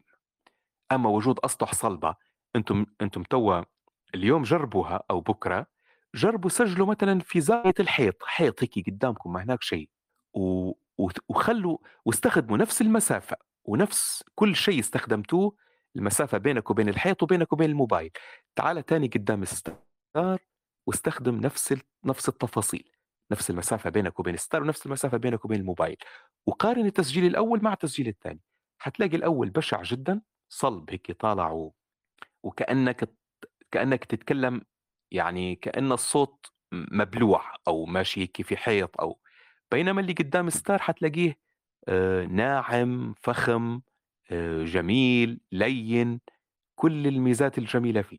نرجع للمايكات، في مستوى آخر هذا يسموا فيهم طبعًا ال هذا هذه ال هذه الUSB هذا استنادًا على التوصيل يعني في في هلبة تقسيمات أخرى.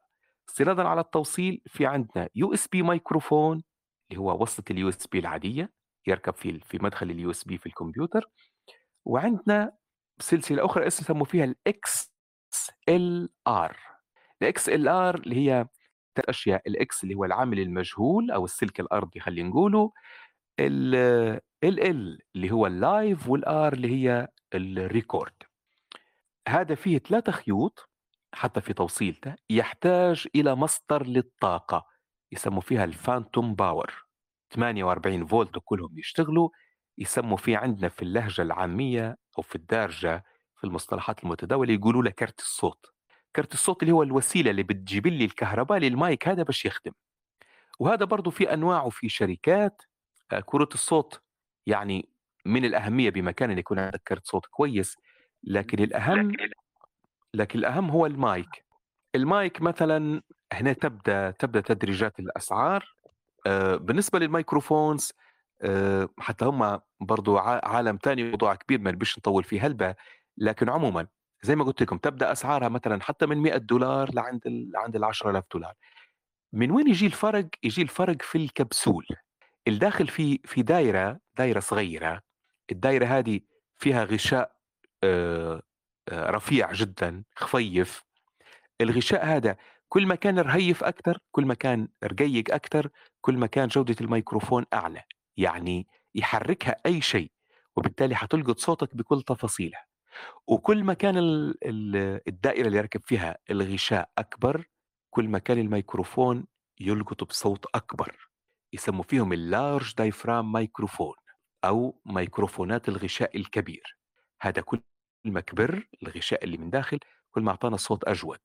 وبالتالي آآ كل ما كبر الغشاء وكان رقيق أكتر، كل ما أعطانا صوت أجمل، وهذا يخوّف يعني بتقدرش تنتقل بيه وتتحرك بيه، أبسط صدمة ليه حي ينضرب الغشاء اللي لداخل خلاص خسرت الميكروفون أنت للأبد، وبالتالي هذا يركب ويقعد في مكانه، هذا ليش قُلت لكم ما نسافروش بيه، ما نرفعوش معانا، يقعدوا راكبات. طيب هادو يتدرجوا في الأسعار، حتلاقي مثلًا أسعار مختلفة، تشتري واحد وتشتري كرت صوت معاه وتستخدم نفس الطريقة، لو ما تبيش تدير استوديو بنفس الطريقة، أمام الستار في وجود التفاصيل اللي حكينا عليها من بدري، وتسجل، تحط النص قدامك وتنطلق في عالم التسجيل، تحط سماعاتك على ودانك لو المايك لو مثلًا مركب كرت صوت حيدعم إنك أنت توصله بالسماعات، أو لو تستخدم في USB mic برضه فيهم أنواع تدعم توصيلها بالسماعة تقدر تستخدم، أو لا هذا ولا هذا، تعتمد على سماعك أنت فقط، تأدي النص وتسجل، تسجل طبعًا باستخدام ال اللاب أو الديسكتوب، باستخدام واحد من برامج التحرير اللي هم أشهرهم الAudacity، الAdobe Audition، الCubase وغيرها من من الخيارات الأخرى، أنت اللي تعرف تستخدمه سجل بيه، ونظّف المادة، بعدين تخش طبعًا لمرحلة أخرى أطول اللي هي كيف تدير عناية بالصوت، كيف تهتم بالمادة اللي سجّلتها، كيف تحوّل منها الnoise، في شِق آخر طويل جدًا ما نبيش نخوض فيه اللي هو ليه علاقة بال بال بال بالهندسة الصوتية، لأن في أثناء التسجيل نفقد جزء من جودتنا الصوتية نقدر نردها من خلال الهندسة الصوتية. هذا في المجمل لفة صغيرة أو نقيطة في بحر ال المعدات وال والأشياء اللي مستخدمة بشكل دوري آآ في في في في عالم التعليق الصوتي أو كتجهيزات نحتاجوها باش ننط ننطلقوا في عالم التعليق الصوتي. نعم عزّام. جميل، جميل. هو لفت نظري العبارة الأخيرة التي ذكرتها، أن كل ما سبق إنما هو بحر في هذا الأداء العالم، وعالم استخدام المايكات والجانب التقني. آآ ما دام تحدثنا عن الجانب التقني، هناك سؤال آآ على الهامش كما يُقال. هو اليوم انتشر آآ مسألة أن هناك أصوات تكنولوجية وأشياء تُعالج بال بال بالكمبيوترات، البعض قد يستخدمها كبديل للصوت البشري. يعني برأيك ما مدى نجاعة هذه الفكرة، وهل فعلًا ستستمر أو ستنافس الأصوات البشرية برخامتها وقوتها وجماليتها كونها هي من خلق الله سبحانه وتعالى؟ طبعًا التكنولوجيا قاعدة كل سنة تتقدم وتقدم شيء مرعب. آآ أعتقد عزّام والحديث للجميع أن بعد وقت يمكن استنساخ كل الأصوات واستخدامها بشكل آآ طبيعي جدًا، لكن ما زلنا ما وصلناش لهالنقطة في ال في الوقت الحالي. مثلًا استخدموا استخدموا مذيعين آآ بتقنية الهولوجرام وبغيرها من من التقنيات، واستخدموا أصواتهم أيضًا آآ أعادوهم من جديد. أيضًا تمت فيه لقاءات مباشرة في عدم وجود الشخصيات كليًا، وتم تركيب أصوات وجُمل لناس بأصواتهم الفعلية، بنفس الوقفات وبنفس الأشياء. هذه ديما حاليًا التقنيات هذه آآ تنتشر أكثر في أروقة أجهزة الاستخبارات بشكل كبير، لكن مثلًا كتقنيات متاحة للعوام لأ، ما زالت. والأيام بيننا يعني ممكن ربما عشرات السنوات تبدأ زي اللعبة، تبدأ متاحة، تقدر تحصّل 20 نسخة منّي و30 نسخة منّك وبنفس الأداء، ما عنديش نيّة نمشي اليوم ال البرنامج مثلًا نعطيه الجُمل وهو يرتّب ويعطيني كل شيء. في الوقت الحالي جزء من هالموضوع أصبح متاح في العالم، آآ ما تخبئه لنا الأيام الله أعلم، لكن أعتقد المستقبل هو للروبوت ولكل الأشياء ال التقنية الحديثة اللي سيطرت على كل شيء ولغت كل شيء تو. زمان من كان يصدق إن مثلًا مصنع حيكون فيه روبوت، كانت القوى البشرية هي المحرك الأساسي لأي مرفق، بينما الوقت الحالي يعني تلاقي مصانع أدوية وغيرها من المصانع ما فيهاش عنصر بشري نهائيًا، إلا اللي يحط في المواد الخام، باقي كل الشغل تقوم به آلات. فهذه بتلك أعتقد هي مسألة وقت حنلاقي كل الأشياء بدت متاحة حيبد ي تبدأ فيه آآ تدقيق لغوي بحيث أن النصوص تطلع صحيحة، والمؤدي يأدي بإحساس إلكتروني فظيع جدًا إنجاز التعبير، فأعتقد هي مسألة وقت عزام. جميل، جميل. آآ نحن ما دام تحدثنا عن التطور التكنولوجي الذي عبر الحدود وعبر القارات، دعنا نع نعود قليلًا لنتحدث عن واقع الأداء الصوتي في ليبيا، وواقع المؤدي الصوتي، وحال المؤدي الصوتي ونظرة الناس للمؤدي الصوتي داخل ليبيا. تعرّج لنا عن على بعض هذه الأمور، وتقيّم هذه ال ال الأشياء والإشكالات، يعني واقع المؤدي الصوتي في ليبيا ونظرة الناس له هل هذه النظرة هي سليمة؟ هل واقع المؤدي الصوتي اليوم هو على أفضل ما يكون داخل ليبيا؟ بالنسبة للتعليق الصوتي في ليبيا هو آآ خلّينا نقولوا فن جديد دخل من من بعد ال2011 بعد ال2011 أصبحت في التفاتة كبيرة للتقنيات الموجودة، مش حتى في عالم التعليق الصوتي، مثلًا حتى على مستوى الموسيقى، الألعاب الفردية، غيرها من الأشياء، أصبحت الدولة صراحة منفتحة بشكل أكبر على ال على التكنولوجيا وعلى الأشياء الأخرى. التعليق الصوتي كان من بينهم. آآ في ليبيا التعليق الصوتي زي ما قُلت لك انتشر في الآونة الأخيرة، وأصبح مصدر دخل لهلبة شباب وشابات في ليبيا. آآ واقع التعليق الصوتي في ليبيا، المُعلِّق الصوتي الليبي مش قادر يوصّل صوته للعالمية نتيجة عدة أسباب، مع أن المُعلِّق الصوتي الليبي يمتاز بالفخامة، بالفصاحة، ال أو أقصد اللغة العربية السليمة، أيضًا الرصانة في الأداء والتلوين، لكن التعداد السكاني البسيط آآ هذا جانب، جهل الشباب بوسائل التكنولوجيا أو وسائل الوصول، يعني امتلاكك لصفحة على فيسبوك أو إنستجرام أو تيك توك أو غيرها من وسائل التواصل الاجتماعي هو أمر جيد، لكن كيف توظّف هالصفحة هدية وتسوّق لنفسك، هنا بيت القصيد. يجب ألا تكل ولا تمل من من التسويق لنفسك، بحيث تضع مقاطع بشكل مستمر ل ل لأدائك الصوتي، فيديوهات لتعليق، والتي في البداية تكون خاصة بالهواة، مثلًا تقليد لفيلم كرتوني، محاكاة لجزء من نص لفيلم آآ وثائقي مثلًا، هنا تبدأ العيون تلتفت إليك. شخص في قناة سين شاف مقطع، تواصل معك، أنتجت لهم إعلان تجاري، الإعلان التجاري بعد أيامات نزّلت أنت على صفحتك، شافه شخص تاني، وهكذا تنتقل من مكان إلى مكان. هذا جانب وسائل التواصل الاجتماعي، في أماكن أخرى مهمة جدًا، مهم التواجد عليها، زي آآ عندنا LinkedIn مهمة جدًا اللي هي أكبر منصة للتوظيف في الوقت الحالي، وجودك على LinkedIn شيء أساسي، سواء كنت محترف وإلا هاوي، تفتح لك باب للوصول. أيضًا نحكي على عالم الصوت طبعًا، وجودك في منصات أخرى زي sound deals مثلًا SoundCloud آآ زي خمسات، زي مجموعة من المنصات تقدر تنشر فيها صوتك، وحيجوك عملاء طالبين صوتك من خلال هذه الوسائل. آآ أيضًا ظهورك على ال الإذاعات المسموعة أو المرئية يوفر لك براح إن يكون في طلب عليك أكتر. ظهورك في المحافل والاجتماعات، مثلًا تقديم الاحتفالات الرسمية وغيرها، يضع العين عليك من من قبل الحضور، وبالتالي تجد نفسك في محافل أخرى أكبر وأكبر، وهكذا تنتقل.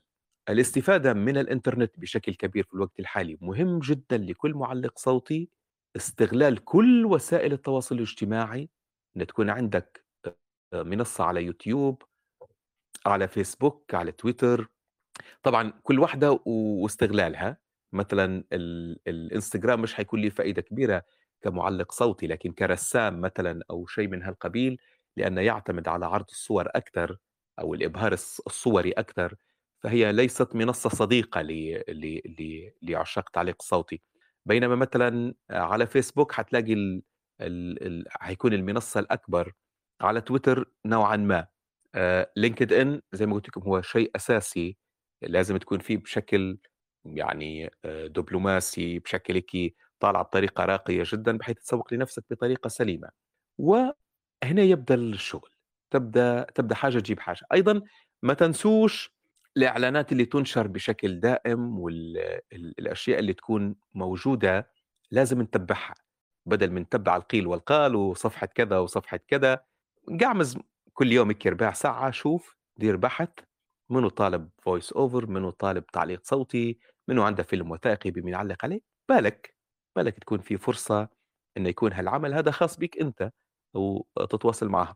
يكون عندك CV محترم وال CV هذا وكل CV هو محترم أقصد بكلمة محترم يعني مجهز بطريقة صحيحة طريقة عصرية مش عبارة عن خمس كلمات كاتبينهم وخلاص وكل ما درت مجموعة من الأعمال ضيف اكتبهم. المؤسسات اللي تعاملت معها عاود ضيفها من جديد واكتبها في ال CV بحيث إن أي ويكون مصحوب بروابط روابط حية طبعا. أنت حيكون عندك نسخة مثلا PDF نسخه ال PDF هذه حتكون فيها روابط حية اللي هي روابط الفعالة أول ما يوصل للشخص يعني زمن إنك ترفق ملفات بالملف هذا زمن ولا؟ ففي نفس الملف من تحت حتحط مجموعة لروابط لأعمالك أنت هذا مثلا نشرتها قناة كذا حتاخذ تحط منها هذا نشره منشور على اليوتيوب من كذا تحطهم مجموعة بحيث إن اللي يدخل يقرأ السي في ويزيد يأكد لمصداقية السي في يلقى الروابط موجودة تحت. هيك طبعا الأشياء هذه حتبدأ تزيد يوم بعد يوم سنة بعد سنة وتبدأ رقم واحد اليوم هي رقم أو رقم ستة اليوم هي تولي رقم واحد بعد سنة بعدين تختفي مرة واحدة. والمقصود من ذلك إن الأشياء البسيطة حتبدأ تلوح فيها أنت من ال CV تبدأ تحط غير في الحاجات اللي عليها القيمة. هو طبعا رقم واحد كان عليه القيمة من من من سنتين. أنا اعتبر في شغل كبير مثلا اشتغلت مع قناة محلية فجأة اشتغلت مع بي بي سي. فشغل القناة المحلية التغي وحطيت شغلي البي بي سي. بعدين لقيت لقيت روحي مثلا مع سي إن إن فحولت البي بي سي العربي وحطيت السي إن إن لأني وصلت للعالمية. فتبدأ حتى ال CV ال CV يبدأ انتقائي بعدين حتخلي الأفضل فالأفضل فالأفضل. وهكذا تحصل على CV جميل جدا. بالإضافة زي ما قلت لكم إلى المشاركة الدائمة. البحث عن الإعلانات البحث عن طلبات التوظيف إظهار نفسك. هذا جانب على وسائل التواصل الاجتماعي. والبحث عن الشغل لأن ما فيش حد حيجيك لعندك يقول لك بالله عندنا إعلان آه، بنسجلوه وعندنا فيلم وثائقي. لازم يسمعوك الناس أو أنت تسمعهم تمشي لهم لعندهم وهذا أصبح متاح في الوقت الحالي. أنا مثلا خلال مسيرتي أنا بديت في عالم التعليق الصوتي من عام 2012 توالي حوالي 11 سنة في في في هذا الجانب. خلال هالسنوات هذه كلها ما فيش حاجة هيك تجيك لعندك حاجة تجيب حاجة. مثلا شغلي مع الجزيرة الوثائقية كان من بعد آه، محاضرة. صوتي كنا في المهاري مهاري ريدسن بلو آه، فكان في وكيل لي آه، كان شخص مصري والشركة مقرها في تركيا تنتج في أفلام وثائقية. اسمع مجموعة من المقاطع في أثناء الأداء فتواصل معي فهنا كان باب للوصول للجزيرة الوثائقية. مثلا شغلي في في آه، على فكرة أنا في فترة من الفترات كنت مسؤول الأصوات في آه، في بودكاست خاص ب Harvard Business Review اللي هي شركة اسمها مجرة كانت سابقا اسمها هيكل ميديا آه، فهذا كنت أنا أنا مسؤول الأصوات يعني توزيع النصوص على الأصوات وكنت واحد من الأصوات وهي منصة بالفلوس يعني دايرتها دايرتها للشركة بحيث إنك تدفع فلوس تدخل تسمع البودكاست. واشتغلنا فيه ما شاء الله. هذه الوصول لهم كان من خلال إعلان موجود في صفحة توظيف فبعثت ال CV وبعثت مجموعة من الأعمال. يعني حوالي خمسة أو ستة أيام تم التواصل معي بحيث إني مطلوب نكون واحد من الأصوات. فأثناء وجودي وإثبات جدارتي في خلال الشغل تم توظيف اللي موجودين في في المنصة ككل. مثلا شغلي مع ستيب نيوز المنصة الإخبارية برضه مش من باب الصدفة حتى هو إعلان كان موجود فبعثت ال CV ويحتوي على روابط من من مجموعة من الأعمال ونسيت طبعا وإلى يومنا هذا كل ما يقابلني إعلان نبعث ديما عندك نسخة من ال CV واتية وفيها مجموعة من الروابط للأعمال. ابعث وأنسى. المهم شارك. وما تستهينش بأي موضوع تلقاه. شارك وابعث مثلا الشغل مع ستيب نيوز يعني استغرق كان نقول لكم 7 شهور وإلا ما عادش نتذكر تفاصيل الموضوع، لكن طوالت عليه المدة بشكل كبير، وبعدين لعند ما تواصلوا معايا على واتساب. استغربت يا أخي الراجل ما عرفتش تفضل قُلت له، قال لي: "أنت بعتّ لنا CV قعدت تفكّر يا ربي CV لشنو هذا؟" بنقول له نبعت بشكل دائم أنتم منو؟ ما ما قدرتش طبعًا، فقال لي: "إحنا م إحنا ستيب نيوز وأنت باعت" أها، آه تمام، فجيت نراجع نشوف في الإيميل لقيت إن الموضوع ليه حوالي 7 شهور، يعني تخيّل. حاجة باعتها أنت من مش عارف كام.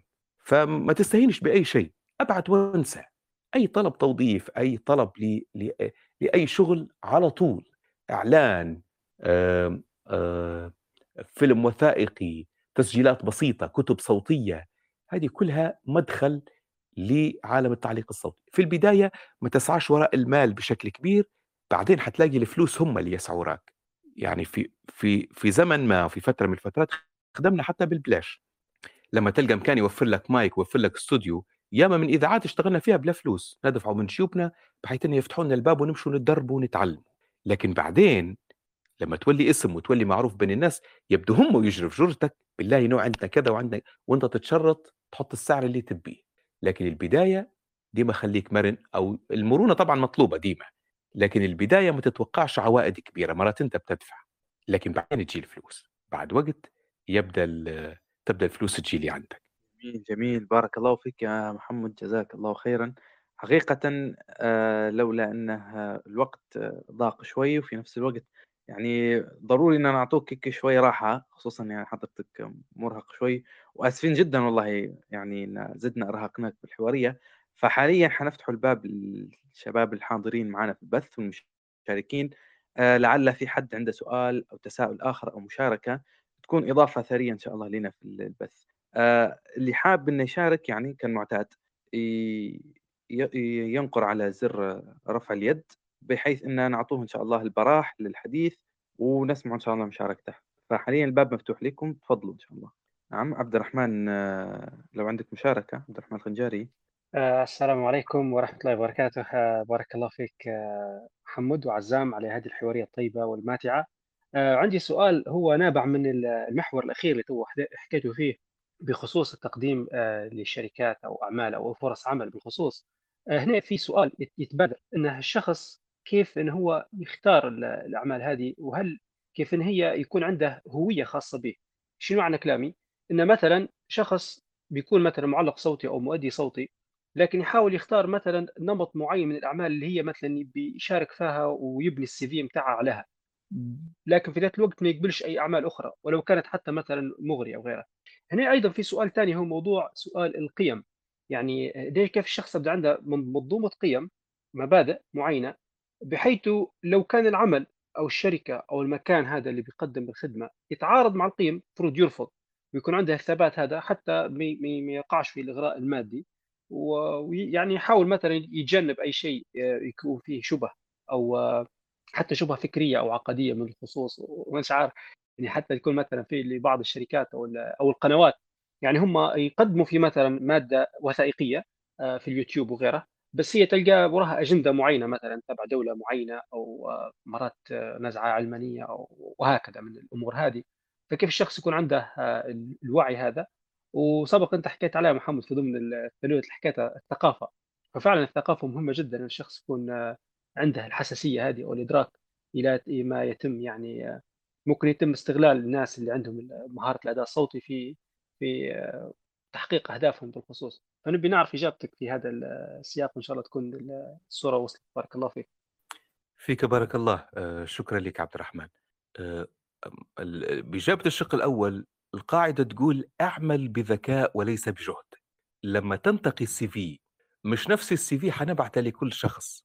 مثلا آه، شركة تمتهن صناعة الأخبار الوثائقية أو تمتهن القالب السياسي في صناعة الأخبار أخبارهم كلها سياسية. مثلا تنتج في مواد سياسية بشكل يومي.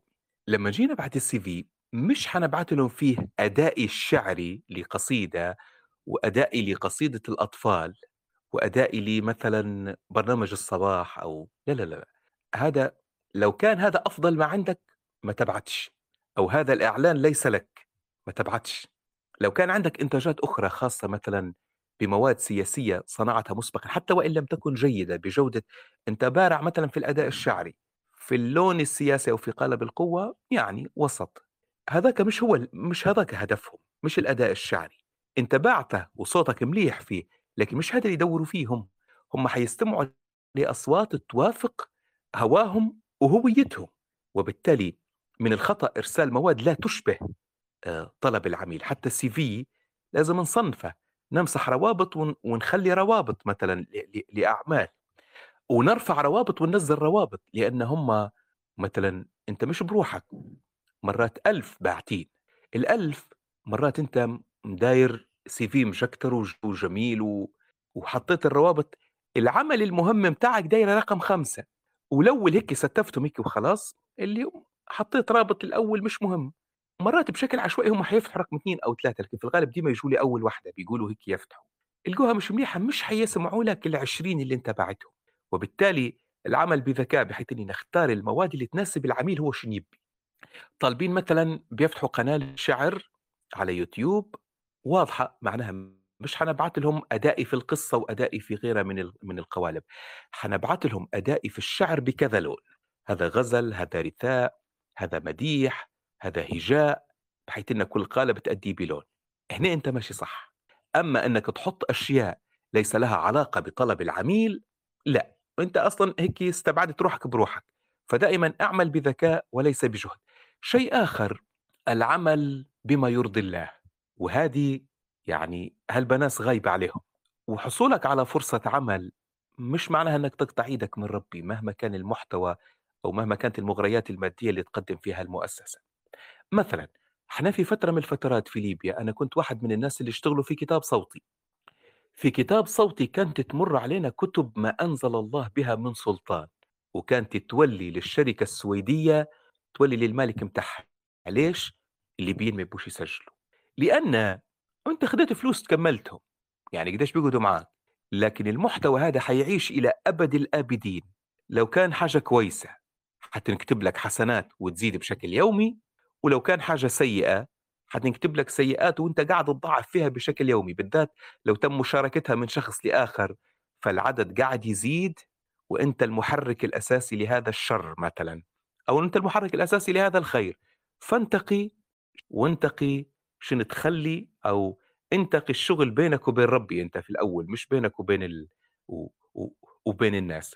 وصدقني لو تخلص النية حتطيح في شغل كويس محترم يضمن لك حقوقك آه، سواء حقوقك الأخلاقية وحقوقك المادية مع مع الناس هذا ابتعدوا عن سفاسف الأمور ابتعدوا عن الإنتاجات الهابطة والأمور التافهة بين قوسين لأن هذه ما عندهاش سوق أصلا.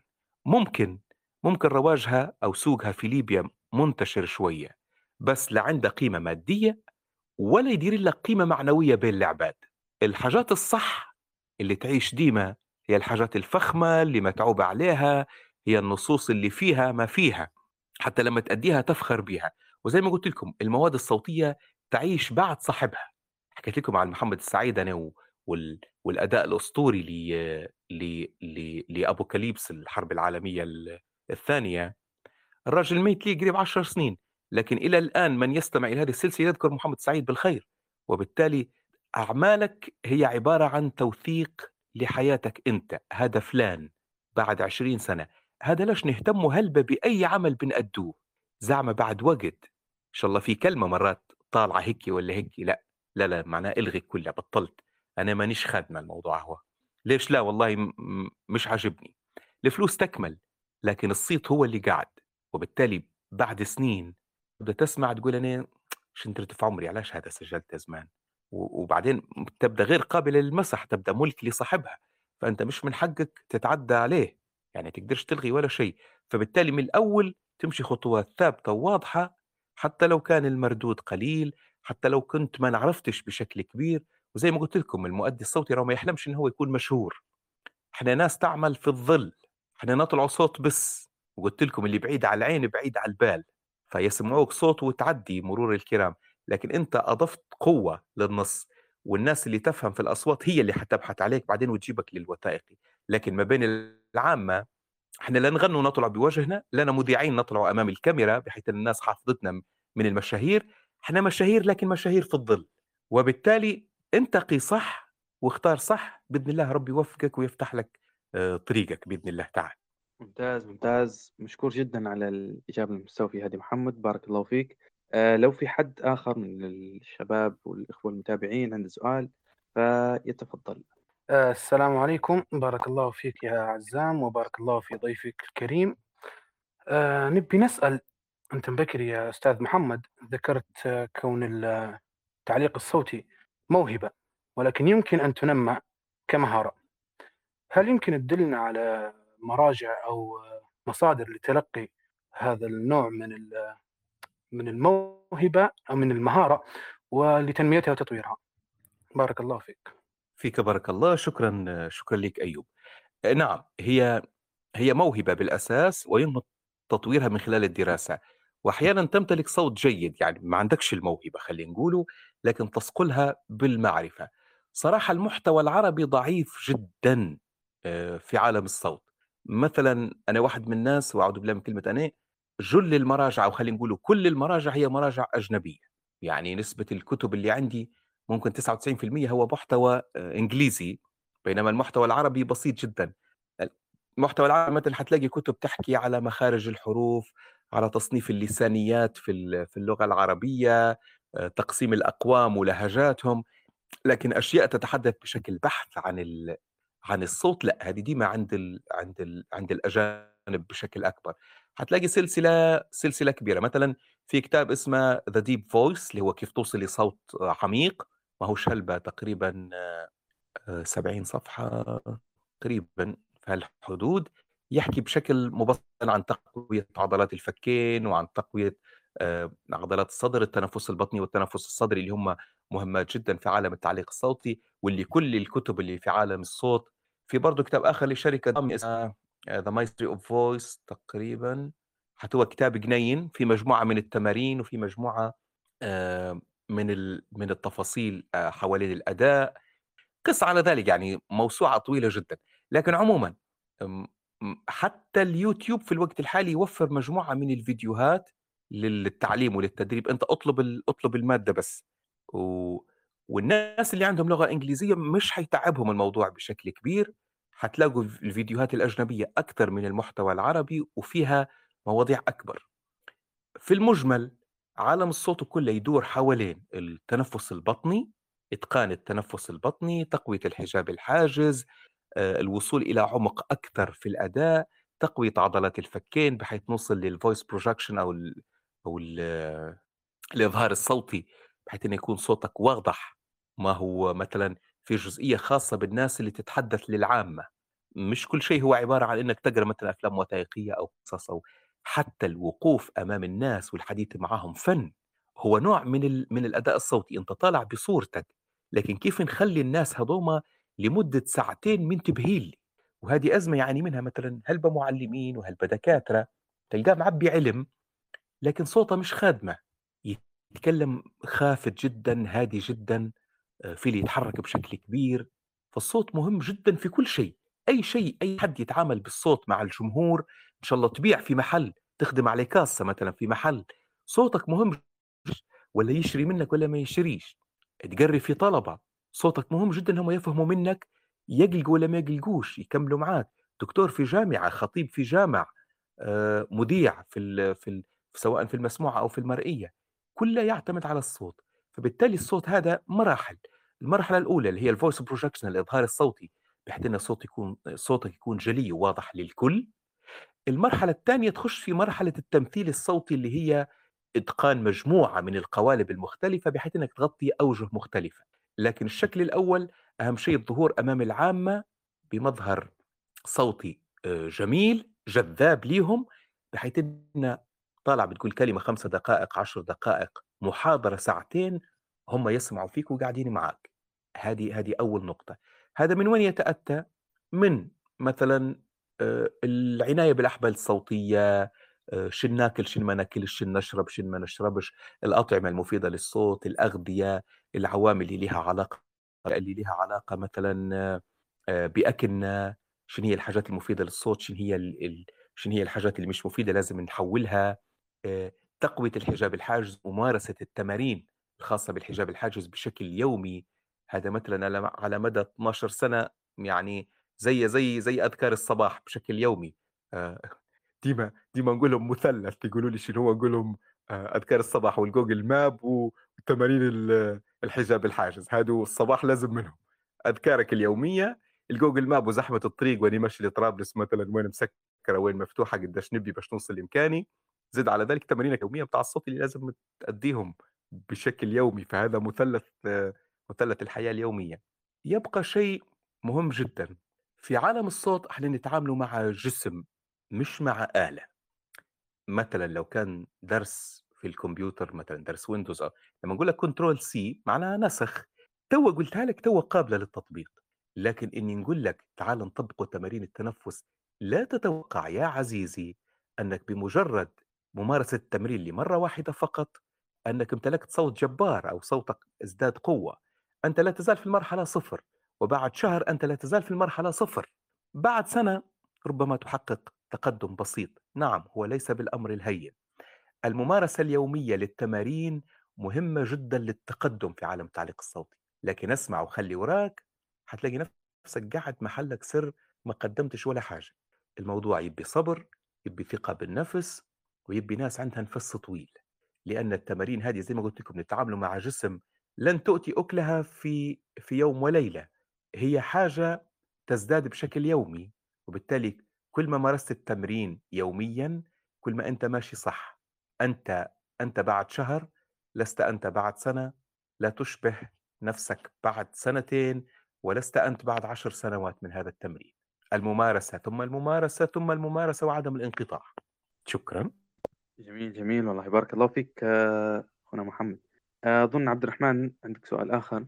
بارك الله فيك يا محمد. آه، ذكرتني تو لما حكيت على موضوع التمرينات. في مرة قابلني فيديو بالخصوص لشخص مشهور يدير في تمرينات وتدريب صوتي لي قبل ما يقوم بالأداء في المسرح. فكان يدير مثلا في يقول stretch يدير في stretch للصوت. فمثلا يدير في تمرينات زي ك- آه آه حاجات زي هذه. شو ممكن تقدر تحكي لنا عن الموضوع هذا؟ بارك الله فيك. آه، طيب آه، الصوت زي زي أي آه، أو الجهاز الصوتي زي زي أي جهاز تاني لازم تسخن قبل زي السيارة تسخن الصبح شوية وتطلع دور الزيت وتمشي مش هتقدر تولع وتطلع طول. فحتى جهازنا الصوتي لما نفيقه نفيقه معطل ليل ال- لما تبدأ ليل كامل وأنت راقد صوتك مش حيكون صح الصبح. نتيجة عدة عوامل ما فيش داعي لشرحهم توا. ليهم علاقة بالجاذبية وبتراكم المخاط على الأحبال الصوتية و و و. طيب الإحماء الصوتي هو تجهيز للأحبال الصوتية لما هو قادم. باش تنتقل من النقطة صفر إلى النقطة 100 على طول لا هذه يسبب صدمة. فلازم تمر بمراحل مختلفة. الإحماء من وين يجي؟ أولا ممارسة مجموعة من التمارين اللي تعمل على اهتزاز الأحبال الصوتية بشكل متكرر لكن بشكل لين. يعني مش اهتزازات كبيرة. فالتمرين اللي أنت قلت عليه فعلا هو مستخدم آه، واحد منهم إنك تحط ال- الإصبع السبابة ما بين الشفاه وتحرك افقيا أو آه، عموديا فوق وتحت بحيث يكون الصوت هذا حيؤدي إلى اهتزاز طفيف جدا في الأحبال الصوتية وتستمر على التمرين 10 15 مرة آه، وهكذا. أو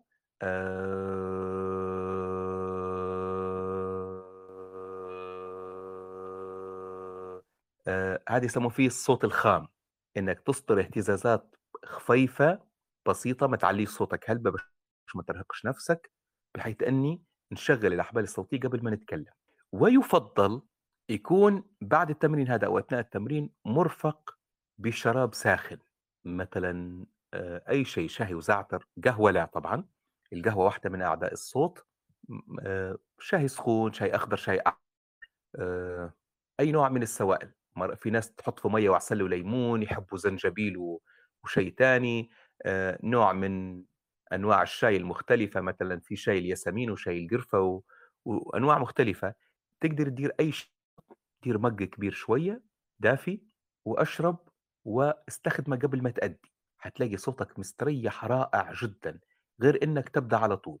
وهذا مثلا هذا أسلوب حياة متبع عندنا بشكل يومي بالذات لو كان عندي مثلا إطلالة صباحية في. في. في الإذاعة فمستحيل تمشي بصوتك متاع النوم هذه معيبة في حقك لكن موجودة في في في في إذاعات أخرى تلاقي المذيع أول ما يبدأ يقول خيرها كأنه ببطانيته جاي لكن شوي شوي يبدأ صوته يفتح ويزيد ويزيد ويزيد أنت المفروض هذا كل المستمع ما يشوفاش أنت لازم تجيني طول واتي صوتك صح فعندك ساعة أو ساعة ونص من لما تفيق باش تجهز لي صوتك للأداء سواء طالع في راديو أو طالع بتسجل فيلم وثائقي أو طالع لأي محتوى.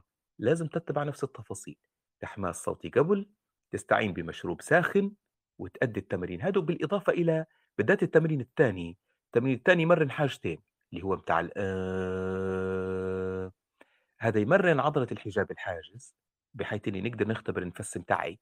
كل شوية نزيد نخليه أطول ويمرن لي أحبالي الصوتية. فبالتالي تكون جاهز من خلال حجاب الحاجز وجاهز بأحبالك الصوتية. فتنطلق مباشرة وتأدي صح. شكرا. شكرا جزيلا محمد. آه، بارك الله فيك على استيفاء الإجابة. آه، ما زال الباب مفتوح. الأخوة المشاركين لو في حد آه، تاني عنده سؤال أو استفسار فيطلب التحدث بحيث نفتحوا له إن شاء الله المايك لو في حد. أنس عندك سؤال؟ تفضل.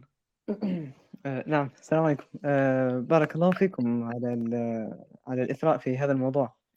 شكرا لمهندس محمد. نبي تو من بكري نسمع عليه ومستمتع خصوصا بالأمثلة اللي قلتهم. آه، حمستني نقول لك درنا سلوغن للمنتدى هنا بصوتك. طيب أنس أعطينا أنت slogan أنا نقول لك. به باهي تمام ده تمام. خليه تو نقول لك عليه بعدين.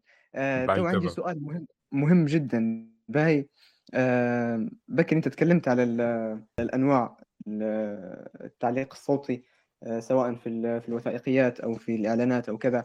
آه، بس فيه آه، فيه مجال معين إحنا إحنا مهتمين به. باهي مدارين نادي القراءة نادي قراءة الكتب.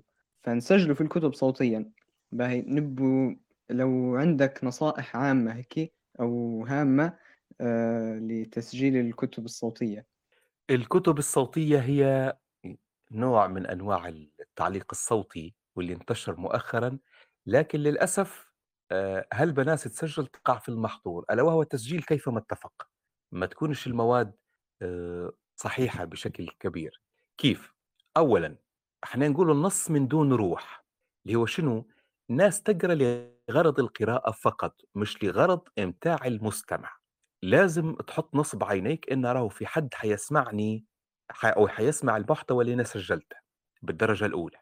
فبالتالي لما تجي تقرأ مش إني نقرأ وخلاص. ما هو أنت أنت شنو الهدف؟ أنت سجلت باش باش الناس تجي تدخل وتسمع وتستفيد من المحتوى. لو كان المحتوى هذا مجرد قراءة فقط عارف زي ما نسمعه مثلا زمان للمعلمين وقد أغتدي والطير في وكناتها بمنجرد قيد الأوابد هيكل مكر مفر مقبل مدبر معا كجلمود صخر حطه السيل من عل. هذه قراءة. لما نسمعه في النصوص زمانك أو تنوض تقرأ في الدرس تقرأ زي تو. لكن خلو النص من الإحساس والتعبير عن الكلمات يجعله نص قراءة فقط وهذه آفة آفة هالبناس مش غير اللي يقروا في كتب صوتية حتى معلقين صوتيين آخرين أو محسوبين أنهم معلقين صوتيين. لكن هذا خطأ. مثلا نفس الأبيات اللي قلتهم توا. مكر بفر مقبل مدبر معا كجلمود صخر حطه السيل من علي. لازم تبين آه، في حاجة نسمو فيها الكلمات المفتاحية. شنو هي الكلمات المفتاحية؟ كلمات لما نوصلها لازم نأكد عليها بحيث نتخلص من حاجة يسموا فيها ال monotone ال monotone شنو هو؟ آه نوعين اللي هو القراءة بوتيرة واحدة زي ما كنا نتعاملوا مع المعلمين آه زمان وأيضا آه، القراءة بوتيرة واحدة والتقطيع المستمر خلينا ناخذ نص مثلا هذا هذا يحكي على ال CIA في ناس هيك تقرا هذا هذا يسموه فيه المونوتون اللي هو القراءة بنبرة واحدة فقط لا تزيد لا تنقص لا تعبر عن الكلمات. ربما تدرك الصين أن سقوط روسيا أو هزيمتها في المعركة يعني أن يتفرد الغرب بها ويعني أيضا أن تنسى حلمها بضم تايوان. لذا هي ماضية بدعم روسيا حتى النهاية. فالمعركة ليست معركة الروس وحدهم الذين وضعوا خطة جديدة للتعامل مع أوكرانيا والذين أهان مدير استخباراتهم مدير الاستخبارات الأمريكيين. وهنا نكمل لكم القصة والتفاصيل. في لقاء مع شبكة CBS الأمريكية وضمن برنامج واجه الأمة الذي تذيعه القناة ويعد ويعد أشهر برامجها السياسية واجه مدير ال CIA ويليام بيرنز الأمريكيين والعالم بعدد من الحقائق. شن صار توا ماشينا بنفس الوتيرة. لا زدت لا نقصت وماشي بنفس القراءة. هذا اسمه monotone يعني صاحب النبرة الواحدة. ماشي على نفس ماشي على نفس النمط بالضبط. طيب في monotone آخر يعتمد على التقطيع اللي هو ال ال يسموا فيه ال periodic cut. البريودك يعني شنو؟ يعني إنك تقطع في نفس الزمن ديما وهذه تصير عند هالبناس زي زي مثلا القلب مش ينبض بشكل متكرر. فحتى هادو الناس يبدو يقروا ويقفوا في نفس الوقفة يعني كأن نفس ثلاثة أربعة ثواني زي هيك ها. ربما تدرك الصين أن سقوط روسيا أو هزيمتها في المعركة يعني أن يتفرد الغرب بها ويعني أيضا أن تنسى حلمها بضم تايوان لذا هي ماضية بدعم روسيا حتى النهاية. هم الذين وضعوا خطة جديدة للتعامل مع أوكرانيا والذين أهان مدير استخباراتهم مدير الاستخبارات الأمريكيين. وهنا نكمل لكم القصة والتفاصيل. شفتوها؟ الوقفة تا تا تا تا تا تا تا تا تا. تقف في نفس المكان ديما. نبدأ متوقعة كأنك بتقف. والبشر بطبيعتهم ما يحبوش الروتين أو ما يحبوش الرتابة. مثلا واحدة من الحاجات الروتينية اللي إحنا هاملينها. فيكم حد يسمع في نبض قلبه ديما بشكل يومي أو يستمع في تنفسه بشكل دائم؟ ما فيش صح؟ إلا في حالتين. لما نخافوا ولا لما نجروا شنو يصير في الحالة هذه؟ حيزيد نبض القلب وحيزيد معدل التنفس. تبدأ على طول تبدأ تسمع في نفسك تلهث وتسمع في تقول قلبي بيطلع تأتي يبدأ الصوت يزيد. أول ما يولي لنبض الطبيعي 60 آه، إلى إلى 70 نبضة في الدقيقة يستقر الوضع وتنساه أنت. حتى الناس لما تقرأ لما تقرأ لهم بوتيرة واحدة كأنك صاحب النبض العادي النبض الروتيني. مش حيدورك حد. تقرأ شوي بعدين يملوا منك. لكن الموضوع وين يصير؟ في الانتقالات الكبيرة. مرة نعلي صوتي مرة ننقص مرة نزيد السرعة مرة ننقص ونستخدم الكلمات المفتاحية في القراءة. الكلمات المفتاحية شنو هم؟ في الغالب يا إما تكون جوابات لما قبلها يا إما تكون كلمة مميزة. شو نقصد بجوابات؟ لنأخذ جملة مثال مثلا. الإيرانيون أيضا استغلوا الاضطراب الناجم عن تداعيات الحرب الروسية الأوكرانية. مثلا هذه جملة تمام؟ آه الجواب وين؟ الإيرانيون أيضا خيرهم استغلوا. كلمة استغلوا لازم تبان بشكل مختلف عن الكلام اللي قبلها واللي بعدها. بحيث لازم الإيرانيون أيضا استغلوا الاضطراب الناجم. شفتوا؟ الإيرانيون أيضا استغلوا الاضطراب الناجم عن تداعيات الحرب الروسية الأوكرانية. تغيير النبرة هذه تصلح دائما في الجوابات.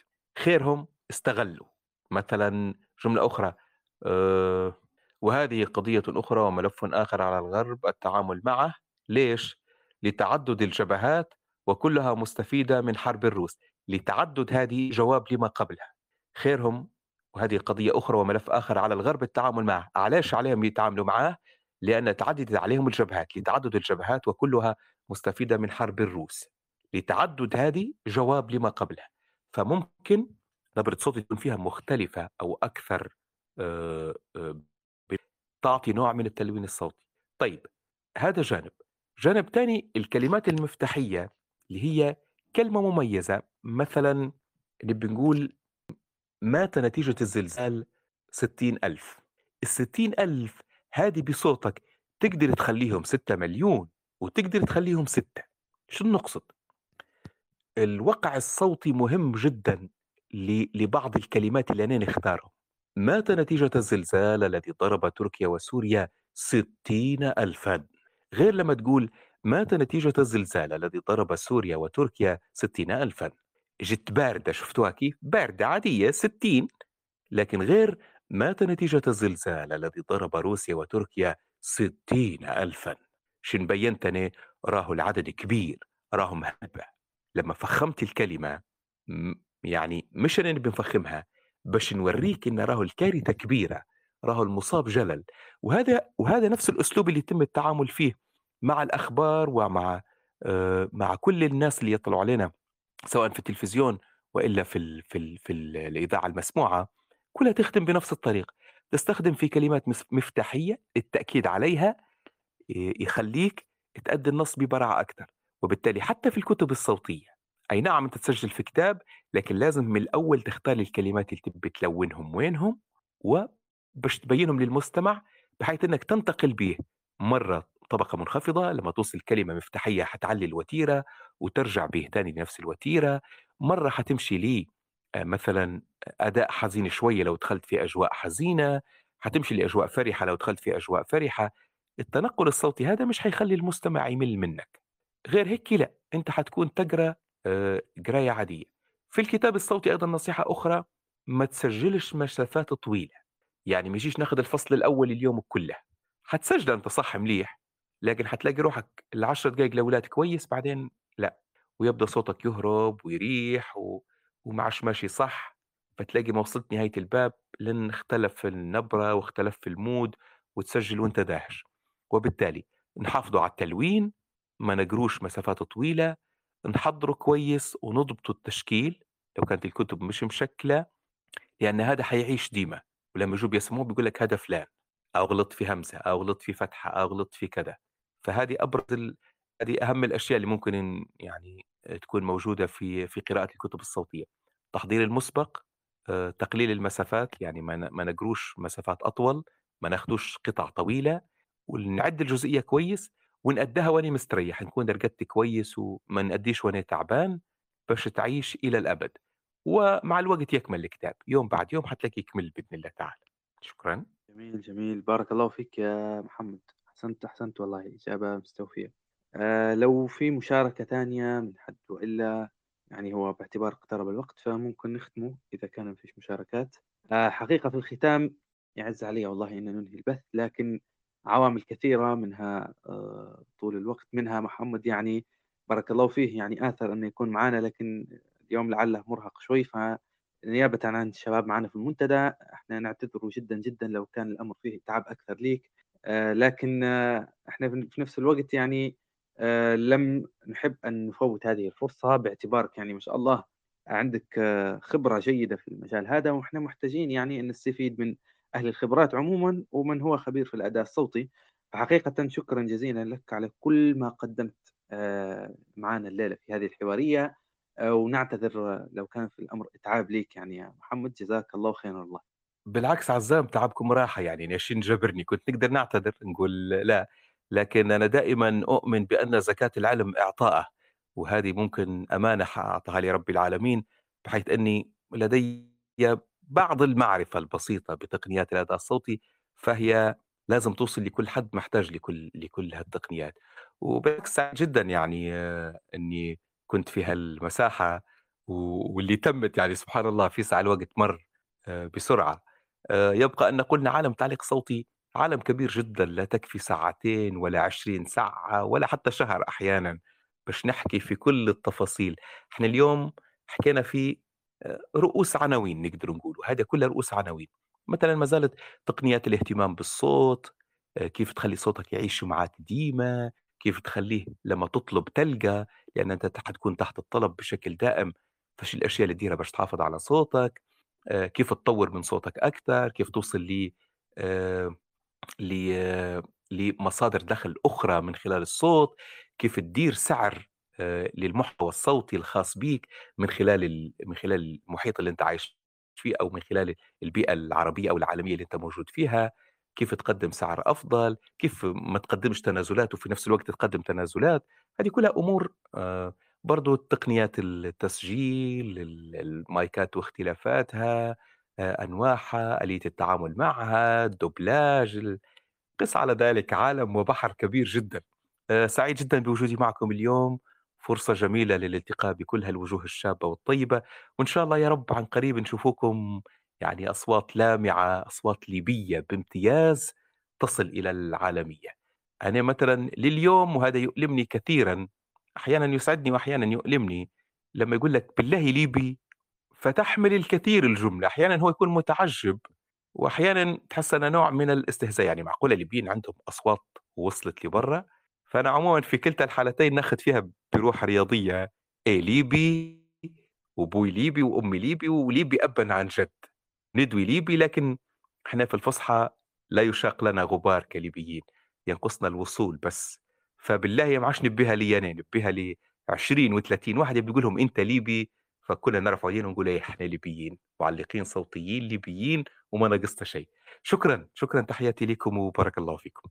وفيك بارك الله، مشكور جدًا محمد. آآ حاليًا آآ إحنا حابين نختم إن شاء الله ال الحوارية، وحنختم إن شاء الله بختامنا المعتاد آآ كفارة المجلس. سبحانك اللهم ربنا وبحمدك، نشهد أن لا إله إلا أنت، نستغفرك ونتوب إليك. والعصر إن الإنسان لفي خسر إلا الذين آمنوا وعملوا الصالحات وتواصوا بالحق وتواصوا بالصبر.